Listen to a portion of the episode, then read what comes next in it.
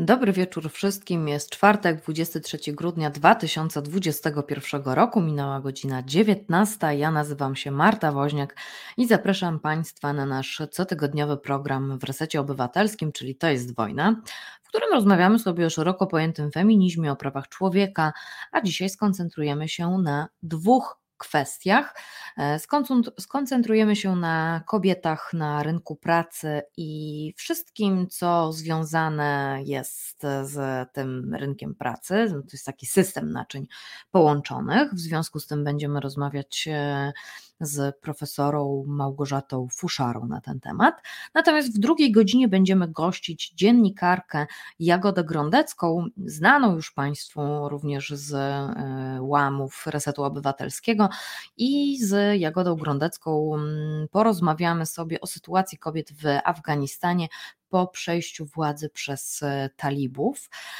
Natomiast e, jeżeli Państwo minął, mm, znaczy w zeszłym tygodniu się z Państwem nie widziałam, to e, zachęcam również do odtworzenia sobie naszej zeszłotygodniowej rozmowy w programie To jest wojna z Martyną Zachorską, z którą rozmawialiśmy o, mm, o poprawności politycznej, tutaj w cudzysłowie, bo taki termin no nie jest oficjalnym terminem, on generalnie nie istnieje.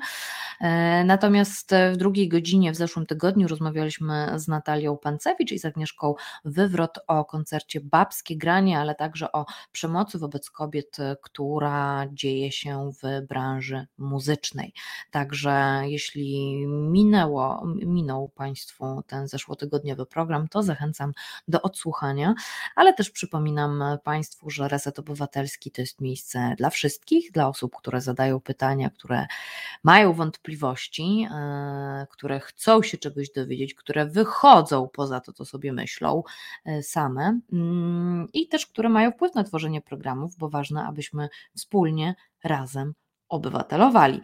Jeśli podoba się Państwu to, co robimy, to oczywiście y, proszę Państwa o wsparcie finansowe, choć i tak y, Państwo nas bardzo mocno wspierają, y, ale więcej informacji na ten temat znajdą Państwo na naszej stronie resetobywatelski.pl. Tam Państwo mogą nie tylko o nas poczytać, ale nas poczytać, bo również są tam treści, które piszemy sami, więc czegoś nowego mogą się Państwo nie tylko z programów e, resetowych, ale i z ze strony resetowej dowiedzieć. E, z tego też miejsca proszę o podsyłanie nas dalej w świat, lajkowanie, o udostępnianie. Mogą Państwo nas obserwować, subskrybować e, na YouTubie, na Facebooku, na Twitterze, a także na Instagramie. To są nasze kanały, ale oczywiście tym ofic- naj, najważniejszym kanałem jest tak naprawdę YouTube i programy na żywo, który dziś, choć nie do końca, bo muszę Państwu się przyznać, że akurat z profesor Małgorzatą Fuszarą, ze względu na to, że dzisiaj jest 23 grudnia, więc ten taki okres e, świąteczny dość mocno i mocny intensywny, to akurat akurat z profesorą Małgorzatą Fuszarą mm, rozmowa została nagrana. E, więc e, to będzie, mm, mam nadzieję, dla Państwa mimo wszystko dość e, interesujące, żeby po prostu odsłuchać. Nie będą Państwo mogli, mogą Państwo zawsze zadawać pytania, ale już nie w tym przypadku do gościni, ale mogą Państwo dyskutować o tym, o czym profesora mówi, a mówi między innymi o rejestrze ciąż, między innymi o pomysłach Prawa i Sprawiedliwości, o, mm, o aborcji, o prawie prawie antyaborcyjnym, ale także e, to wszystko ma związek również z rynkiem e, pracy, jeżeli chodzi o kobiety. Mm, tak jak mówię, jest to system naczyń połączonych, co rozmowa z profesorą Fuszarą pokaże. Jeszcze chciałam Państwu powiedzieć, mm, słówko o tym, że producentem dzisiejszego programu jest Adam Zyrwi, dlatego bardzo dziękuję. Bardzo dziękujemy za wsparcie Resetu Obywatelskiego i programu To jest wojna.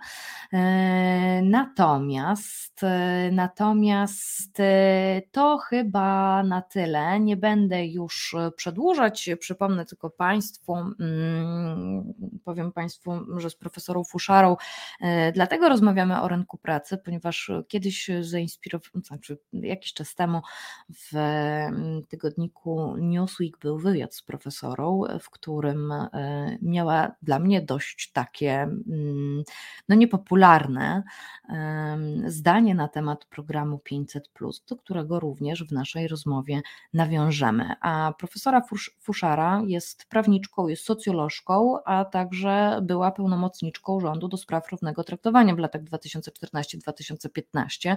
Cały czas e, pracuje w katedrze socjologii i antropologii obyczajów i prawa. E, zajmuje się prawami kobiet, gender studies, e, a także mniejszościami.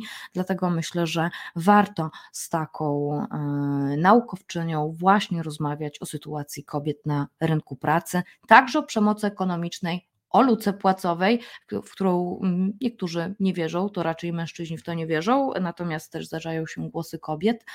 E, no i oczywiście porozmawiamy też o świadczeniu 500.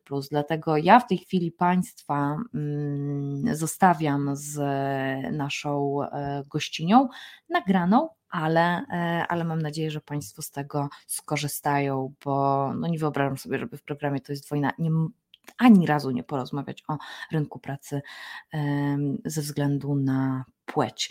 Także y, poproszę Filipa o to, by y, teraz już y, no, przygotował, e, przygotował nagranie i widzę się z Państwem już niebawem.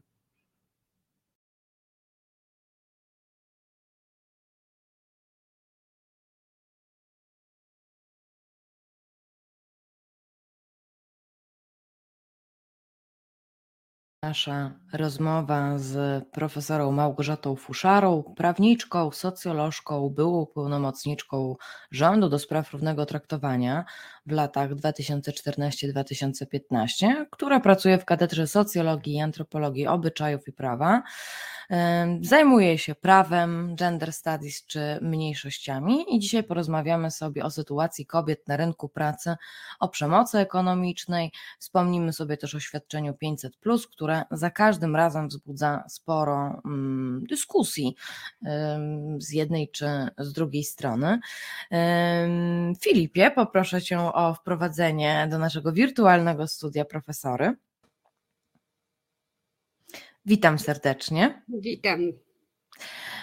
Profesoro, zacznijmy naszą rozmowę od demografii. Jakiś czas temu pojawiły się informacje o tym, jak e, bardzo Polki nie chcą rodzić dzieci. Właściwie od początku roku pojawiały się nagłówki w prasie: Polki nie rodzą dzieci, Polki nie chcą rodzić dzieci. E, ostatnim e, razem takie nagłówki padały w październiku, bo we wrześniu urodziło się 31,1 tysiąca dzieci, czyli o 1,7 tysiąca mniej niż w tym samym czasie w roku ubiegłym. E, no i tutaj już padło, że w ciągu 12 ostatnich miesięcy urodziło się w Polsce no, najmniej dzieci od końca II wojny światowej. światowej. Czy profesory to dziwi? Nie, to mnie nie dziwi. To znaczy, no właściwie można powiedzieć, że osoba zajmująca się nauką nie chodzi o to, żeby się dziwiła, tylko żeby się zastanawiała nad powodami rozmaitych e, takich procesów. No, pamiętajmy, że sama liczba urodzonych dzieci niewiele nam mówi. To trzeba odnosić do wieku osób, które są w wieku, w którym na ogół ma się dzieci w danym czasie. No i ten boom, który był w latach 80., o którym się dużo mówiło, że raczej on lubi być interpretowany, zwłaszcza w mediach, jako taki boom stanu wojennego. No tak samo trzeba wziąć pod uwagę, że był w dużej mierze boomem spowodowanym tym, że wtedy w okresie, kiedy się ma dzieci, był boom powojenny, koniec lat 40., początek 50., to byli 30-paroletni ludzie.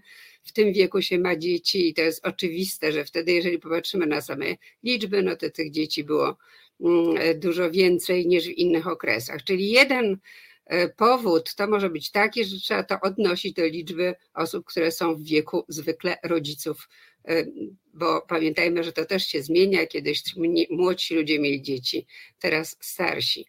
Ale pozostałe powody ja bym podzieliła na takie dwa, e, jakby na dwie grupy. Mm, jedna grupa no to są powody, nie mamy dzieci, bo nie ma do tego, nie możemy. Powiedzmy tak, ludzie to interpretują i takie są te powody. Nie możemy Znowu, albo nie możemy biologicznie, bo wiemy, że to jest coraz większy problem, E, I tutaj kłania się dyskusja, debata trudności z in vitro, bo dla wielu par to jest właśnie jedyna w dzisiejszych czasach, jedyna możliwość, żeby mieć dzieci. No jeżeli państwo ich w tym nie wspomaga, tylko przeszkadza, no to oczywiście jesteśmy przy tych powodach nie możemy. Ale nie możemy, to może być tak, że nie możemy, bo za mało zarabiamy, nie możemy, bo nie mamy mieszkania samodzielnego, nie możemy, bo sytuacja jest niepewna i to nawet nie o to chodzi, że w tym momencie na przykład zarabiamy mało, no ale jeżeli nie jesteśmy pewni, co się zdarzy niedługo, jeżeli nie mamy takiego poczucia stabilizacji, stabilności mm, w, mm, w tym ekonomicznym wymiarze, no to oczywiście nasza odpowiedź może być taka, młodych ludzi, którzy są w wieku, e, w którym zwykle się ma dzieci. No nie możemy teraz, może kiedyś, nie możemy, bo to jest zbyt ryzykowne, nie możemy, bo jesteśmy ludźmi odpowiedzialnymi i musimy naszym dzieciom, jeżeli je będziemy mieli, zapewnić mm, odpowiedni poziom życia, odpowiedni byt. I znowu to jest bardzo ocenne. Pamiętajmy, że ten baby boom po wojnie i to jest prawidłowość z całego świata i ze wszystkich mm, krajów i z różnych okresów. Takie powojenne okresy, e, kiedy pojawia się dużo dzieci, kiedy dużo dzieci jest w tych społeczeństwach, które wcześniej były dotknięte wojną, oczywiście rodzą się w bardzo trudnych warunkach. To w ogóle nie ma co porównywać. Powojenny baby boom e, powstawał zaistniał w czasie, kiedy ludzie w ogóle mieszkali w jakichś norach, kiedy samodzielne mieszkanie mm, to była w ogóle jakaś niesłychana, niesłychany luksus, niewielu ludziom dostępnych, tylko wtedy myśli się w innych kategoriach. Wtedy to życie codzienne, życie rodzinne to nie jest coś, co mm, o czym myśli się w takich kategoriach, no jak kiedyś będzie lepiej, bo lepiej jest w tym momencie. Nie ma wojny i e, przystępujemy do budowy rodziny. Mhm. Natomiast w takich ustabilizowanych czasach, no to uważamy zapewne bardzo rozsądnie i rozumnie, że musimy mieć warunki do wychowania dzieci. No i wreszcie musimy przejść do tego, od czego pani zaczęła, od tych nagłówków kobiety nie chcą mieć dzieci. To jest drugi, czy nie chcą rodzić dzieci. Oczywiście to jest bałamutne stwierdzenie, ale to jest odpowiedź na pytanie, czy ludzie chcą mieć w ogóle dzieci i ile. No bo pamiętajmy, że nie możemy się porównywać do takich okresów w dziejach, kiedy dzieci były gwarantem jakiegoś dochodu na starość, dzieci miały być e, siłą roboczą w gospodarstwach domowych i ważne było, żeby ich było dużo. E, teraz nie myśli się w takich kategoriach, że to, żeby mieć dużo dzieci jest wartością samą w sobie. Trzeba mieć dzieci, którymi możemy się zająć, którym możemy zapewnić dobre warunki, dobry rozwój. W związku z tym na pewno tych dzieci chcemy mieć mniej jako społeczeństwo.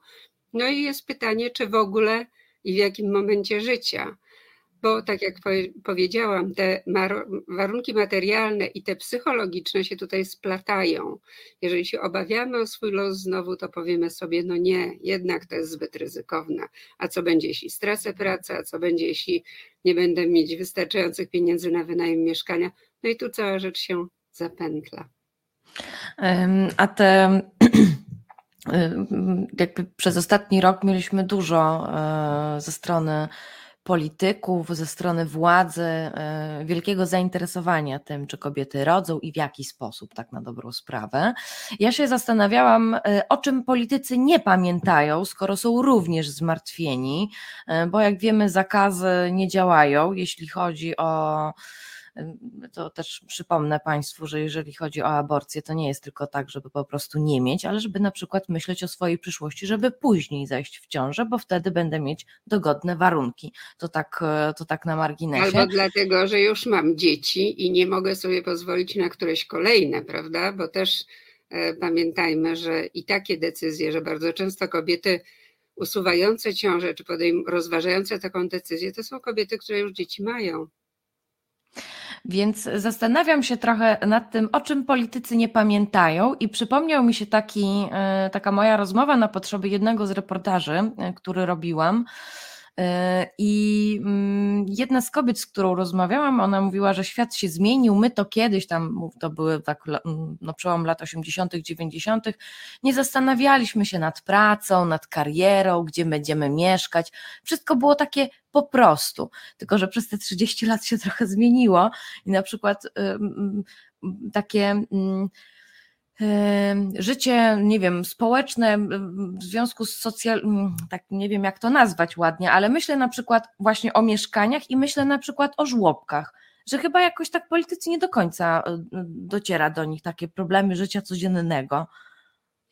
No tak, dlatego że politycy, którzy po pierwsze martwią się tym, tym, w tej chwili, że jest za mało Polaków, mają takie dosyć nacjonalistyczne nastawienie, kiedy automatycznie się uważa, że musi nas być dużo, nas Polaków ma być dużo, trzeba dużo dzieci rodzić. E, to jest oczywiście myślenie no, może charakterystyczne dla jakiejś grupy, może niekoniecznie uzasadnione społecznie, bo też pamiętajmy, że uważaliśmy, że to jest wielki kapitał społeczny, że tak dużo dzieci urodziło się w Polsce w latach 80., no bo zapełnią rynek pracy i tak dalej, ale oni zapełniają rynek pracy Irlandii, Wielkiej Brytanii, także w dzisiejszych czasach to kompletnie nie jest gwarancja niczego. Jeżeli się tu nie stworzy dobrych warunków dla ludzi, żeby byli, to oni po prostu tych warunków będą szukać gdzie indziej i, bez, i to, ile się urodzi osób, o niczym jeszcze nie przesądza. Natomiast y, rzeczywiście ma Pani absolutnie rację, że y, myślenie o takie o braku pomocy, że to się samo rozwiąże, E, że takie kompletne sprywatyzowanie opieki nad dziećmi w takim niedobrym sensie, to znaczy, że państwo tu nie ma żadnych obowiązków. Mm, państwo czasami no, wypłaca jakiś zasiłek, e, czasami coś powie na ten temat. Natomiast rzeczywiście myślenie systemowe to jest myślenie o opiece nad dziećmi, czyli o żłobkach, przedszkolach, często także no, takich w dzisiejszych czasach, które dłużej działają niż kiedyś. Mm, oczywiście pani rozmówczyni miała rację, że w 80 latach się o tym nie myślało, no bo była cokolwiek by nie powiedzieć o tamtych strasznych dosyć czasach, to jednak była pewność pracy, e, była, e, były, jeżeli ktoś podejmował taką decyzję, mm, żłobki i przedszkola, no i oczywiście niezawodne babcie, które zajmowały się wnukami. W tej chwili też się to zmieniło, dlatego że kobiety w wieku emerytalnym bardzo często też mają swoje potrzeby. Ludzie są bardziej mobilni, jeżeli wychowują dzieci, przenieśli się gdzieś daleko, to nie mają pod ręką tej babci i dziadka. Jeżeli kiedyś mieszkali w zatłoczonych mieszkaniach i było to straszne, ale babcia i dziadek byli w tym samym mieszkaniu, to problem opieki nad dziećmi w, w pewnym sensie się, no powiedzmy, rozwiązywał sam w ramach rodziny. Mm, także to po prostu są nieporównywalne rzeczy. E, I nie da się wrócić do starego sposobu myślenia jako do rozwiązania na dzisiejsze czasy. I w dzisiejszych czasach, kiedy zdecydowana większość kobiet ma ambicje, chce te ambicje realizować, nie ma żadnego powodu, żeby tego nie robiły. Rzeczywiście takie rozwiązania jak żłobki czy przedszkola to jest podstawa tego, co powinno państwo osiąg- y, zapewniać. Czy myślenie o takich rozwiązaniach, jakie są znane w innych krajach, na przykład we Francji, o takim bonie, mm, który możemy sami zużyć na opiekę nad dziećmi, czyli na przykład wynająć opiekunkę i tym bonem jej płacić. Mm, I też to jest rodzaj y, wsparcia, który może być konkurencją dla takiej opieki instytucjonalnej, może wzmocnić także tę opiekę babci jako pewną wynagradzaną pomoc. Y, I ja myślę, że takie rozwiązania są tym, o czym państwo powinno myśleć, ale ja śladu takiego myślenia we współczesnym państwie nie widzę polskim. Trzeba chyba znowu zacząć pisać listy, proszę Państwa, e, domagając się od, od swoich e, posłów i posłanek na Sejm, e, by myśleć, lub można zawsze bardziej lokalnie, czyli radni miejsce, to myślę, że do dzieła. Natomiast a propos, a propos właśnie ambicji, a propos pracy, jak ma się macierzyństwo, rodzicielstwo do kariery, bo tak na dobrą sprawę w tym momencie to jest jakby dwa i pół etatu.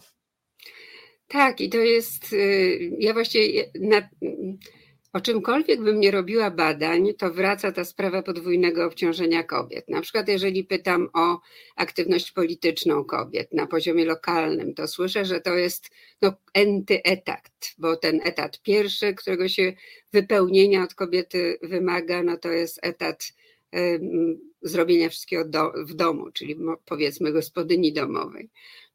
Etat drugi to jest no, etat pracy zawodowej. No i etat trzeci to ewentualnie jest polityczka. I to jest oczywiście problem zawsze wtedy, kiedy myślimy o e, i dla każdej kobiety, także tej, która nie chce być polityczką, czy, czy nie może z takich powodów, mm, to jest y, odpowiedź na pytanie, dlaczego kobietom jest w życiu trudniej, dlaczego mają nierówne szanse, dlaczego pewne możliwości kariery są zablokowane. No bo w takim tradycyjnym myśleniu o rodzinie, a my do tego wracamy po latach, kiedy to myślenie się odwróciło, to znaczy wracają politycy, nie społeczeństwo. E, w takim tradycyjnym myśleniu o rodzinie, no to kobieta pracuje, bo musi. Tylko, że politycy, którzy tak takimi kategoriami rozumują, kompletnie nie mają kontaktu z rzeczywistością. W tej chwili kobiety są w Polsce lepiej wykształcone niż mężczyźni. I to jest trend już od dłuższego czasu. Jesteśmy jako kobiety lepiej wykształcone. Kiedyś to było na poziomie średniej szkoły, w tej chwili jest już także przewaga kobiet wśród osób z wykształceniem wyższym i to nie, jest, nie są ostatnie lata, to już jest ponad 10 lat. Mm, wyrównują się proporcje na poziomie uzyskiwanych stopni doktora. E, także kobiety są wykształcone lepiej i nie ma żadnego powodu, żeby kształciły się, że tak powiem, po nic. Oczywiście ja bardzo lubię autoteliczność zdobywania wiedzy i, i, uważam, że to jest główny czynnik, który nas często napędza w zdobywaniu wiedzy, Mm, ale jednak y, społecznym pożytkiem jest przede wszystkim to, jeżeli kobiety wykorzystają tę wiedzę i lata nauki, za które w końcu płacimy jako państwo bardzo często, albo one same płacą, kiedy studiują na prywatnych uczelniach, żeby wykorzystane to było dla dobra społeczeństwa. To nie, praca zawodowa to nie jest ani fanaberia kobiet, mm, ani nie jest przymus, jeżeli inni, ma, jeżeli rodzina za mało zarabia albo są samotnymi matkami, bo to jest myślenie, no takie najpóźniej, najpóźniejszy okres to może jeszcze z okresu międzywojennego. Natomiast współcześnie to jest rodzaj samorealizacji i współ, wspólnego budowania społeczeństwa i lepszego świata. Mm, I po prostu musi być taki y, sposób o tym myślenia, żeby to było możliwe, bo inaczej my i tracimy talenty kobiet, i kobiety e, są sfrustrowane. Jest wiele badań, które wskazują na to, że sfrustrowana, siedząca w domu kobieta, opiekująca się dziećmi, jest znacznie gorszą matką niż kobieta, która jest zadowolona z życia bo ona może jest dłużej w domu, ale jeżeli ma niezaspokojone swoje potrzeby bycia także na zewnątrz, to to się musi odbić na jej życiu, na życiu jej otoczenia. No i to już wiadomo od kilkudziesięciu lat, więc my tutaj nie odkrywamy żadnego, mm, żadnej nowej Ameryki, chociaż badania są mm, bardzo często amerykańskie, tylko po prostu odwołujemy się do wiedzy, która już w tej chwili jest coraz bardziej powszechna i powinna być także powszechna w Polsce. Proszę Państwa, to, żebyśmy pracowali zawodowo, e, żebyśmy się realizowali w tej pracy, to jest y, dobro nas wszystkich. E, I weźmy pod uwagę, że my jesteśmy w ogóle społeczeństwem, w którym jest bardzo niska aktywność zawodowa w porównaniu z innymi krajami, i wśród kobiet jest bardzo niska aktywność zawodowa w porównaniu z innymi krajami. Więc wszelkie sposoby zniechęcania nas do pracy no są katastrofalne dla Polski i dla jej przyszłości. Hmm. Y, to jakby zostając przy rynku pracy, y, y, ponieważ program nazywa się To jest wojna, jest o feminizmie, więc rozmawiamy sobie o dyskryminacjach, o jakby nierównościach. Więc jeżeli chodzi o rynek pracy, to jakie tutaj mamy nierówności, jeżeli chodzi o mężczyzn i o kobiety? No to jest cały szereg nierówności. To znaczy, Taka nierówność, która najbardziej się pewnie rzuca w oczy, to jest nierówność w zarobkach, dlatego że o niej się od jakiegoś czasu sporo mówi. I to jest, przepraszam, napiję się wody, bo. Proszę, proszę. Mam od jakiegoś czasu kłopoty z głosem, ale to jest związane z astmą i z różnymi rzeczami i z tym, że w kółko wykładam. To w porządku. Jeszcze dwa łyki. Państwo nam wybaczą. Tak jest. I ja. I wracamy do tematu. Tak. E, mm, to y, Rynek ta różnica w zarobkach jest mhm. o tyle może najlepiej w tej chwili znana, że najwięcej się o tym mówi, zarówno na poziomie europejskim, jak i na poziomie krajowym. Kongres Kobiet na przykład realizuje taki projekt dotyczący luki płacowej, e, wniósł e, projekt ustawy do parlamentu, no więc trzeba by było znowu, jeśli Państwo mogą to pisać, Panie mogą, Panowie mogą e, pisać do naszych parlamentarzystów, żeby to zostało wyjęte z zamrażarki. E, I w tej e, ustawie jest cały szereg rozwiązań, które nas mają zbliżać do tego, żeby zmniejszać lukę płacową, bo to jest prawda, że luka płacowa jest wszędzie.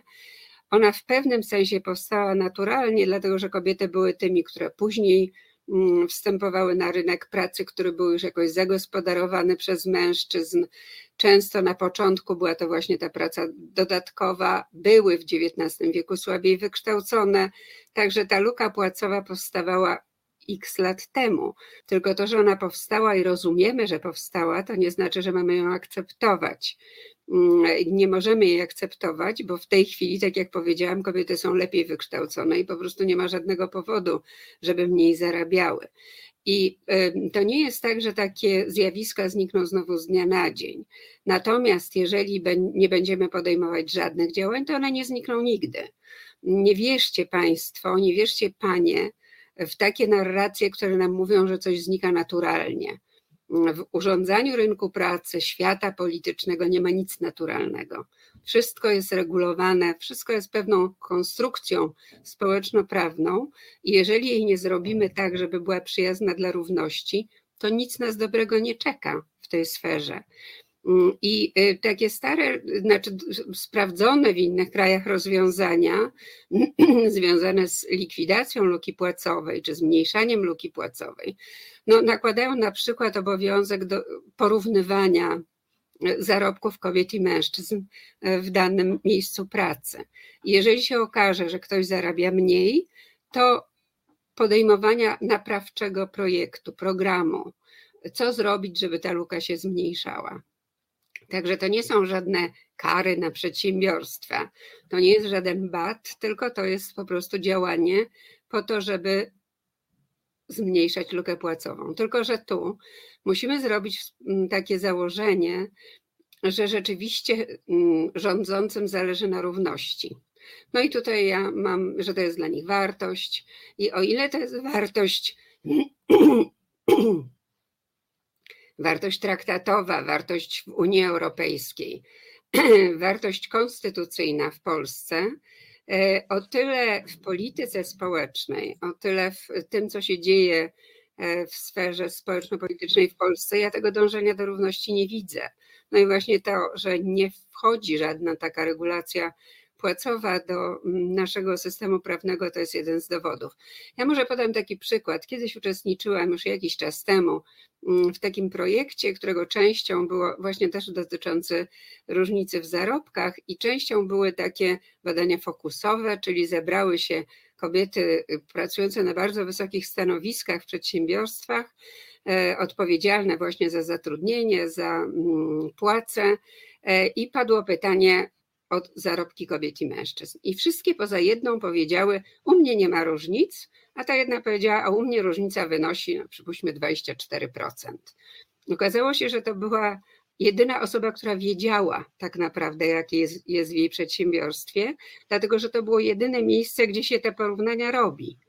Wszystkie mhm. inne osoby, kobiety, odpowiadały automatycznie, u mnie nie ma różnic, bo my tak przyjmujemy. Natomiast musimy wreszcie być zmuszeni do tego, wszyscy, żeby te mm, w sposób zobiektywizowany e, te mm, zarobki, wynagrodzenia, bo to często jest nie tylko jakby pensja, ale cały szereg rozmaitych dodatków porównywać. No i te nierówności są bo pytała Pani w ogóle o nierówności na rynku pracy, są różnego rodzaju. No to, że przy przyjęciu do pracy kobiety często mają trudniej. W tej chwili może to się wyrównuje o tyle, że rynek pracy potrzebuje rąk do pracy, ale jeżeli tylko się robi jakiekolwiek zagrożenie dla pracowników, jeżeli pracowników jest więcej niż miejsc pracy, to pierwszymi wypieranymi mm, z rynku pracy są kobiety. Tak, jest, jest, są badania na to? Mm, tak, to są że? przede wszystkim analizy amerykańskie z mhm. okresu po II wojnie światowej. W czasie II wojny światowej kobiety tam pracowały w przemyśle także ciężkim, przy budowie broni i tak dalej. No i wrócili, jak to się mówiło, chłopcy z wojny. No i rynek pracy musiał zostać oddany mężczyznom. I tam są bardzo dokładne analizy, które pokazują, jak wypierane zostały, e, były kobiety. I temu towarzyszyła natychmiast ideologia powrotu do słodkiego domu, kobiety mm, szczęśliwej z tego powodu, że na przedmieściu w małym domku, zauważmy w izolacji, kompletnym usamotnieniu, od rana do wieczora czeka na męża i dzieci wracające ze szkoły. Takie stare filmy amerykańskie mogą Państwo zobaczyć, które mm, były też jakby mm, częścią propagowania tej ideologii, no i później pojawiały się dopiero po czasie prac, książki kobiet o tej mitologii, która temu towarzyszyła. I te analizy były tam robione i to od razu widać mm, takie tendencje do przyjmowania mężczyzn do pracy wtedy, kiedy jest konkurencja do jakiegoś e, stanowiska, są bardzo łatwo zauważalne. E, inny taki wymiar dotyczy no, braku na przykład skierowań na na różnego rodzaju kursy, szkolenia, doszkalanie, które później zapewniają awans, trudniejszy awans, mniej kobiet na kierowniczych stanowiskach. No to są zupełnie takie klasyczne przykłady. Jeżeli mówimy o właśnie kobietach na stanowiskach wysokich, to może odwołam się do takiego przykładu, który był dyskutowany w Unii Europejskiej w czasie, kiedy ja byłam pełnomocniczką i miałam E, zaszczyt wtedy reprezentować polski rząd na, e, i Polskę w czasie takich debat nad, e, nad dyrektywą, która miała przewidywać kwoty w zarządach spółek, kwoty płci. Bardzo wiele krajów to wprowadziło. Pierwsza chyba była Norwegia, ale jest to także we Francji, no w ogóle w całym szeregu krajów w tej chwili. No i tam była charakterystyczna, ja mówię, że miałam zaszczyt, dlatego że wtedy mm, e, decyzja rządu była pozytywna i myśmy mm, byli za przyjęciem tej dyrektywy. No ale ona na poziomie europejskim nigdy nie weszła w życie, nie było zgody wszystkich państw.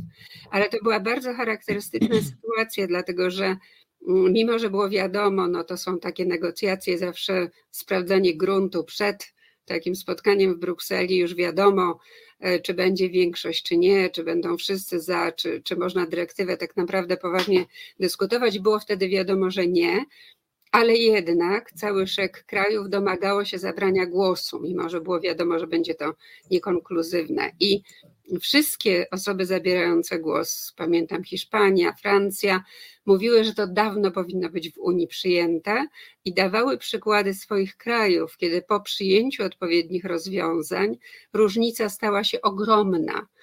Z kilku, kilkunastu procent kobiet w zarządach spółek to poszybowało do 40, 30 kilku procent, bo znowu nie ma żadnego powodu, skoro kobiety są tak dobrze wykształcone, mają coraz większe doświadczenia zawodowe, żeby ich nie było tam, gdzie są pieniądze, decyzje i rozwój. I znowu jest cały szereg badań, który mówi o tym, że takie zróżnicowane pod różnymi względami zarządy różnych instytucji są znacznie lepiej zarządzające, znacznie lepiej wykonują swoją pracę niż jednolite, czyli składające się z tych przykładowych, przysłowiowych mężczyzn w średnim wieku, białych jeszcze w zróżnicowanych rasowo krajach. E, chociażby dlatego mówi się, że jeśli pochodzimy, inaczej jesteśmy wychowani, inne mamy doświadczenia, to bierzemy pod uwagę cały szereg rozmaitych czynników. I w zarządzaniu jest bardzo dobrze, jeżeli nie patrzymy właśnie tak wąsko, w jeden sposób, tylko znacznie szerzej i biorąc pod uwagę rozmaite doświadczenia. No i tutaj mm, naprawdę warto z tego czerpać. Mm, I to jest jedno, jedna, jeden znowu ze sposobów, w jaki możliwe jest zmniejszanie tych luk na rynku pracy związanych z mężczyznami i kobietami. Kiedy mówimy o rynku pracy, to może nie jest dokładnie teoretycznie rynek pracy, ale pamiętajcie, zwłaszcza panie, że młode pokolenie przyszłych emerytek będzie w fatalnym stanie w wieku emerytalnym, w fatalnej kondycji finansowej ten system emerytalny, zgodnie z którym wy będziecie miały emerytury, jest niesłychanie niesprawiedliwy i bardzo obniżający emerytury kobiet. Ja się boję, że to mogą być emerytury na takim poziomie, które będą wtłaczać kobiety w mm, konieczność korzystania, wiele kobiet w konieczność korzystania z pomocy społecznej i to jest sprawa niesłychanie trudna. Mm, jeden z takich czołowych przykładów mogę podać, e, takiej nierówności, która pozornie jest rozsądna i pozornie ma swoje obiektywne podstawy, no ale jeżeli się zastanowimy nad tym głębiej, to wcale tak nie jest. Mianowicie e, odnosi się przyszłą emeryturę do mm, dłuższego perspektywy przeżycia. I fakt, że kobiety wcześniej odchodzą na emeryturę bardzo często i mają dłuższy okres poza tym życia przed sobą, bo średni wiek życia e, kobiet jest dłuższy, powoduje, że to, te emerytury później są niższe. No ja kiedyś uczestniczyłam w takiej dyskusji dotyczącej właśnie tej średniej długości życia. No i pozornie właśnie to jest przecież racjonalne. Tylko, że ja chcę zwrócić uwagę, że długość życia w Polsce różni się na przykład w zależności od tego, czy mieszkamy na wsi, czy w mieście. Czy mieszkamy na Śląsku, czy mieszkamy na Pomorzu. Także to są ogromne też różnice w długości życia i nikomu do głowy by nie przyszło, żeby różnicować emerytury, emerytury w zależności od tego, czy mieszkamy w Warszawie, czy w jakiejś małej wiosce. I co więcej, gdyby ktoś taki system zaproponował, każdy by krzyczał: Ojej, jaka dyskryminacja. A kiedy to dotyczy, a to dotyczy tej samej cechy długości przewidywanego życia. Natomiast... Ale to wtedy wszyscy by się zaczęli przeprowadzać masowo. No, być może, ale, ale wie pani, niekoniecznie. No, po prostu trzeba myśleć o tym w takich kategoriach, e, tak naprawdę, co się kryje za takim założeniem. I moim zdaniem mhm. za tym założeniem nie kryje się ta przeżywalność, tylko takie łatwe ciągle do wprowadzania dyskryminowanie kobiet. Mm-hmm, mm-hmm. Ja tak y, słucham profesory i myślę sobie o takim tabu pieniądza. Generalnie mamy coś takiego, że o pieniądzach się nie rozmawia.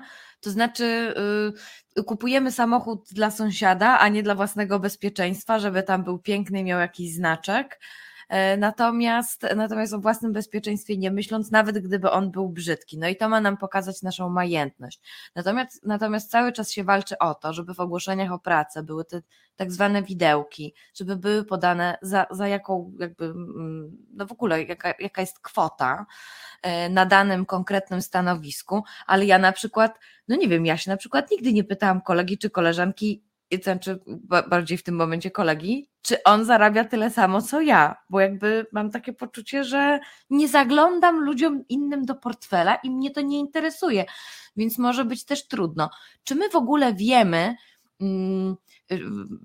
czy jest w ogóle możliwe do obliczenia, jak, ile wynosi luka płacowa w Polsce? Bo ja wiem, że są różnego rodzaju dane ze względu na e, konkretne kraje, ale czy my na przykład wiemy, czy my na przykład wiemy, ile wynosi luka płacowa? I jest jeszcze inna rzecz, o której sobie pomyślałam, jeżeli chodzi o mm, rynek pracy i mm, kobiety.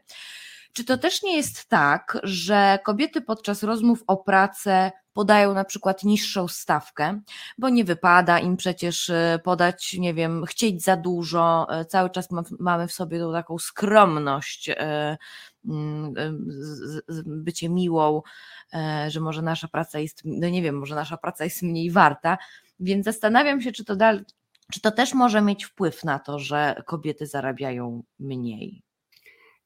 Zaczynając od końca, powiem, że mm, tak mówią zwykle pracodawcy że kobiety zarabiają mniej, bo żądają mniej. Jak przychodzi kobieta i mężczyzna, no to kobieta niższe stawki e, zwykle podaje. I ma Pani absolutnie rację, że ciągle tkwi w nas to stare wychowanie kobiet, że nie wypada chcieć za dużo, ale też nauczenie kobiet przez y, długi czas, że są słabsze na rynku pracy, jeżeli zażądają za dużo, to być może pracy w ogóle nie dostaną. E, także to jest lęk o to, że w ogóle zostaną wyparte z, z miejsca pracy, ale ma Pani też, y, znaczy z rynku pracy, ale ma Pani absolutnie rację, że takie chowanie, które no w moim pokoleniu było niesłychanie popularne, teraz mam nadzieję jest coraz mniej, kobiet na skromne osoby, które jeżeli mają być docenione, to docenić mają ich inni. Ja powiem mało, a szef powie, no nie, pani się nie docenia, trzeba pani dać więcej. Tak nie jest i tak nie będzie i na pewno nie jest mm, no, w takich realiach rynkowych, w jakich żyjemy. Trzeba się dobijać o swoje, niestety trzeba mieć dużo tej przebojowości, e, żeby y, być docenionym często. E, także tu jest częściowa odpowiedź rzeczywiście taka pozytywna, że kobiety mniej żądają, mniej oczekują często, no ale to nie jest żadna wymówka. To znaczy, jeżeli nie umiemy docenić w zobiektywizowany sposób e, czyjejś pracy, no to to jest coś złego w takim systemie oceny pracy. Jeżeli chodzi o, bo też powiedziała Pani o tym tabu zarobków, no rzeczywiście tak jest, że na ogół nie pytamy kolegów, ile zarabiają. Ja kiedyś brałam udział w takiej akcji, e, kiedyś jedna z organizacji ją podjęła e, jawności zarobków w Polsce. Ja jestem jak najbardziej za i uważam, że zarobki powinny być jawne i w dodatku nie wolno by było, zwłaszcza jestem przeciwna, takim klauzulom tajności. Ja znowu mogę mm, podać przykład y, z takiego podwórka. To już x lat temu było, no ale już mm, w okresie e, kapitalistycznego rozwoju firm prawniczych. E, dwoje, y, dwie osoby z jednego roku, dobrze się znające, dziewczyna i chłopak aplikowały do tej samej wielkiej kancelarii. Oboje zostali poinformowani, złożono im jakąś propozycję zarobków i oboje zostali poinformowani o tym, że nie wolno im o zarobkach mówić. No tylko, że oni byli zaprzyjaźnieni e, i wymienili się wrażeniami po tej rozmowie i się okazało, że je zaproponowano znacznie mniej. Hmm. E, I to są takie klasyczne przykłady, kiedy tajemnica, niby strzeżenie naszej prywatności, tak naprawdę służy ukryciu różnych mechanizmów dyskryminujących, przede wszystkim dyskryminujących kobiety, ale to może dotyczyć mniejszości mm, narodowych, cudzoziemców, którzy jeżeli przecież y, też mają jakieś trudności na rynku pracy, to mogą się zgadzać na mm, gorsze zarobki. Jeżeli chodzi o wielkość luki płacowej, to rzeczywiście jest tutaj pewna rozbieżność w zależności od tego, jak ona jest oceniana. Tutaj chętnie Państwa odeślę do takiego tekstu, który jest na stronie Kongresu Kobiet, właśnie w takiej zakładce poświęconej temu projektowi. Ale mówiąc w ogromnym skrócie, takie bardzo z grubsza brane pod uwagę luki płacowe wynoszą no kilka procent powiedzmy, natomiast takie, o których mówi pani profesor Iga Magda, która jest najlepszą tu specjalistką, które biorą pod uwagę jakby wszystkie wymiary, Mm, sięgają dwudziestu kilku do 30% różnicy. E, także te różnice są ogromne. Różnice są też trudno mierzalne często dlatego, że mm, zauważmy, że e, są ogromne różnice w wynagrodzeniu w zależności od branż. Branże sfeminizowane generalnie rzecz biorąc bardzo mało zarabiają. E, ciągły przykład przedszkolanek, opiekunek w żłobku, mm, no to jest taki przykład klasyczny. Ja od dziesięcioleci daję taki przykład, że mechanik samochodowy zarabia wielokrotnie więcej od przedszkolanki, a przecież mechanikowi poświęcam, powierzamy tylko samochód, a przedszkolance życie i rozwój dzieci. W związku z tym, no naprawdę mm, coś jest dziwnego w tym myśleniu o, o tym, kto ile powinien zarabiać.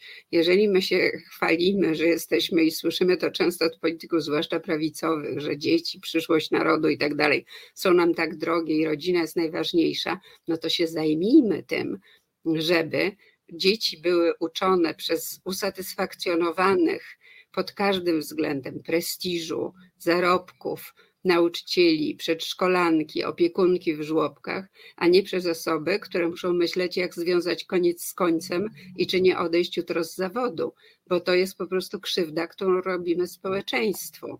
Mm, I y, ten brak myślenia właśnie w takich kategoriach przekłada się także no, i na lukę płacową, ale w ogóle na to, co się dzieje w społeczeństwie. Jeżeli hmm. narzekamy na poziom ochrony w takich państwowych żłobkach i przedszkolach czasami, mm, to przecież dlatego, że my jako społeczeństwo za mało na to przeznaczamy środków, za mało doceniamy te osoby, za mało je wynagradzamy. W końcu, czy jest cenniejsza praca niż kogoś, kto zajmuje się grupką dzieci, dba o ich rozwój, o ich bezpieczeństwo pod każdym względem, to powinna być praca najwyżej wyceniana. No, przyszłość narodu, przyszłość narodu. E, tak e, pomyślałam jeszcze. Skarb, pomyśl... prawda? Nasze skarb, skarby. No skarb, tak o tym mówimy skarb. w takich kategoriach. No to jak właściwie to jest z tym powierzaniem naszego skarbu? No i jeszcze później w kolejnych latach dochodzi kolejny problem, czyli no coraz mniej nauczycieli jeszcze w konkretnych, e, do konkretnych przedmiotów. W Warszawie będzie to ogromny problem od przyszłego roku, znaczy już jest, ale od przyszłego roku szkolnego będzie ogromny, bo się e, podwaja rocznik, będzie kumulacja po prostu rocznika, no i, no i to będzie ogromny kłopot, proszę Państwa, więc jeżeli mają Państwo w domach licealistów, E, no to proszę już się e, nastawiać e, psychicznie na to, że będzie ciężko i trudno, ale może będą jakieś rozwiązania, więc w tym momencie również naciskać na swoich lokalnych polityków, e, chociaż jeżeli nie ma osób do pracy, no to nic z tym po prostu nie zrobimy. E, plus oczywiście myślę o czymś takim, co kiedy były, kiedy protest, e, to cały czas przypominam, dalej trwa, ale protest pracowników ochrony zdrowia, którzy mówią, że przy okazji ratowników medycznych tak było, że wszyscy mówią, jak ci się nie podoba, to zmień pracę, no jak zmieniam, to też jest źle, więc jak odchodzę, więc rezygnuję, to tak tak, to tak mi się też e, skojarzyło. Mm, natomiast jeżeli chodzi o rynek pracy, e, to mm, kojarzy mi się jeszcze, e, a nawet nie kojarzy, ale używa się też takiego sformułowania, jeżeli chodzi na przykład Fundacja Feminoteka czy mm, Centrum Praw Kobiet, używają również, kiedy mówimy o przemocy wobec kobiet, używamy również sformułowania przemoc ekonomiczna. Ja pamiętam, jak kiedyś padło to sformułowanie w programie To jest wojna. Y, no to były śmichy chichy na czacie, y, co to jest, y, co to jest w ogóle przemoc ekonomiczna i że oczywiście jak zwykle coś mi się wydaje. Pamiętam to dokładnie. Profesoro, może przemoc ekonomiczna nie istnieje i śmichy chichy były uzasadnione, może przemoc ekonomiczna istnieje i jak ona się właściwie przejawia i co też może mieć na nią wpływ? Przemoc ekonomiczna oczywiście istnieje. To, że y, są jakieś śmiechy, chichy, to jest dziwne, dlatego że wydawałoby mi się, że już w tej chwili chyba się przebiło do świadomości wielu osób, że ta przemoc w dodatku ma nie jedno imię. To znaczy, taki najprostszy przykład mogę dać z rozmaitych spraw rozwodowych, które kiedyś badałam, kiedy kobiety były właśnie w takiej sytuacji bardzo często, że trochę jak pani mówiła o ratownikach medycznych, cokolwiek robiły było źle. To znaczy, jeżeli pracowały, to było źle, dlatego że mm, y, twierdzili ich mężowie, że dom jest zaniedbany, a to przecież jest jej obowiązek, swojego nie widzieli tu w ogóle.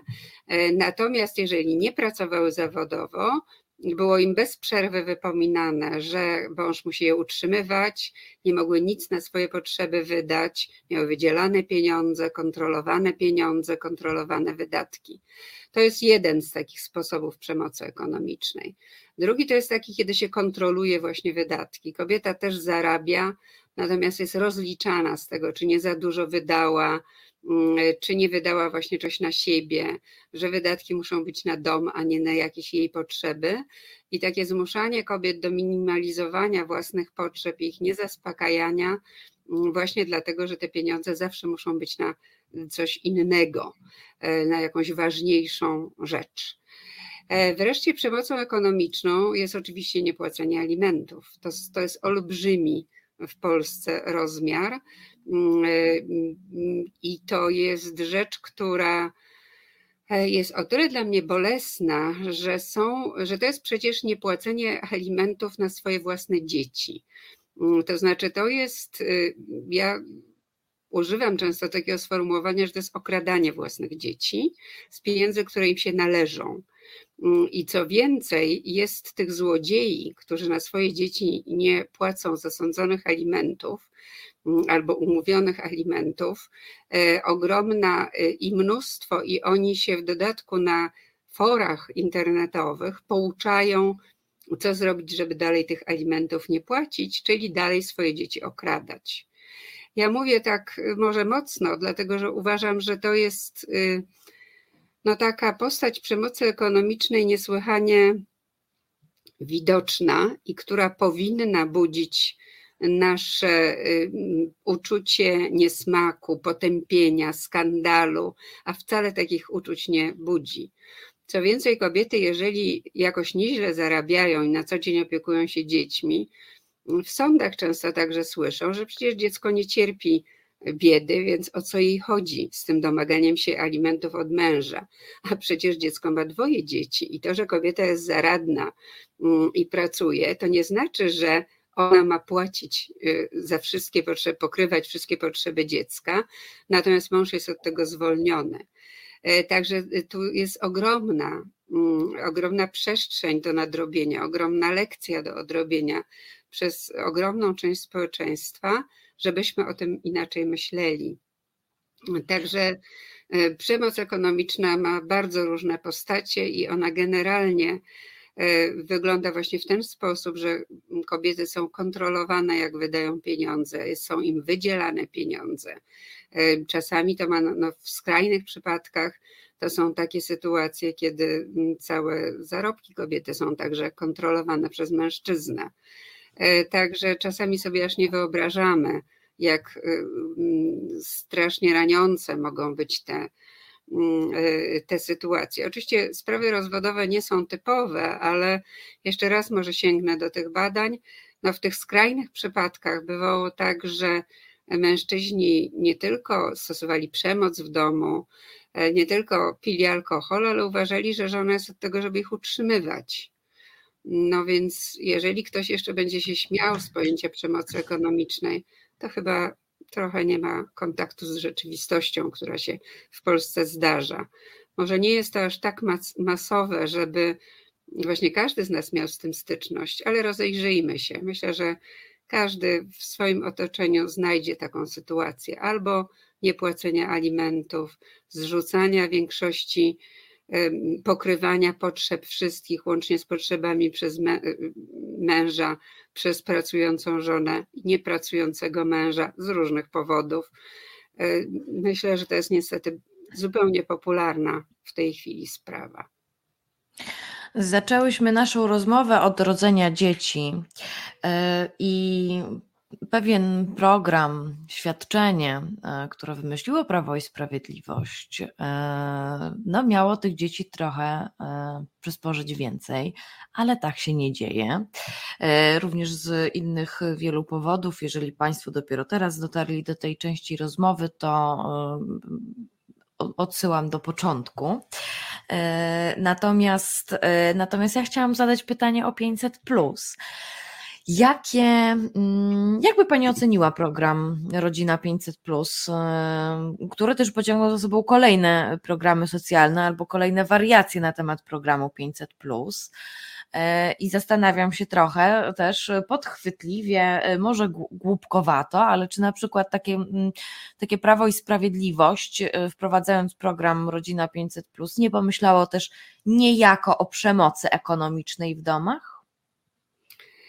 Nie myślę, żeby pomyślało, bo nie wydaje mi się, żeby przyjmowało do wiadomości, że coś takiego istnieje. W każdym razie żadnych objawów tego nie widziałam w działaniach rządu, e, żeby myślało w ogóle w takich kategoriach, albo w ogóle, żeby myślało w kategoriach interesów kobiet.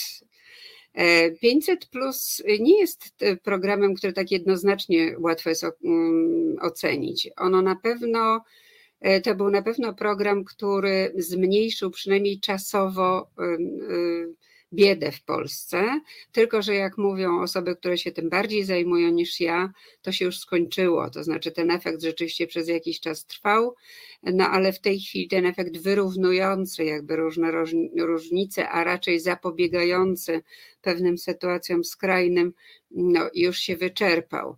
E, natomiast no, jest ta druga strona, mm, czyli ewentualna dezaktywizacja zawodowa kobiet, i ona rzeczywiście była zauważalna, no ale jednak znowu, patrząc z dalszej perspektywy, zwłaszcza, że traci wartość to 500 mm, i są takie osoby, które mówią, że to już jest niecałe 400, no to to nie jest w stanie jakby nadrobić tej luki, którą by ewentualnie e, mm, powodowało zaprzestanie pracy przez kobiety. Ja się obawiam, że jeżeli tu o kobietach myślał w ogóle e, rząd, to myślał właśnie w takich kategoriach, że chciał dezaktywizować zawodowo kobiety że myślał o tym, że kobiety przestaną pracować zawodowo, zacierał rączki i mówił: No i świetnie, teraz będziemy mieć świetną opiekę nad dziećmi kobiet, które będą dostawały pieniądze. No bo jeżeli mają dwoje, troje dzieci, no to się robi mm, odpowiednio więcej pieniędzy.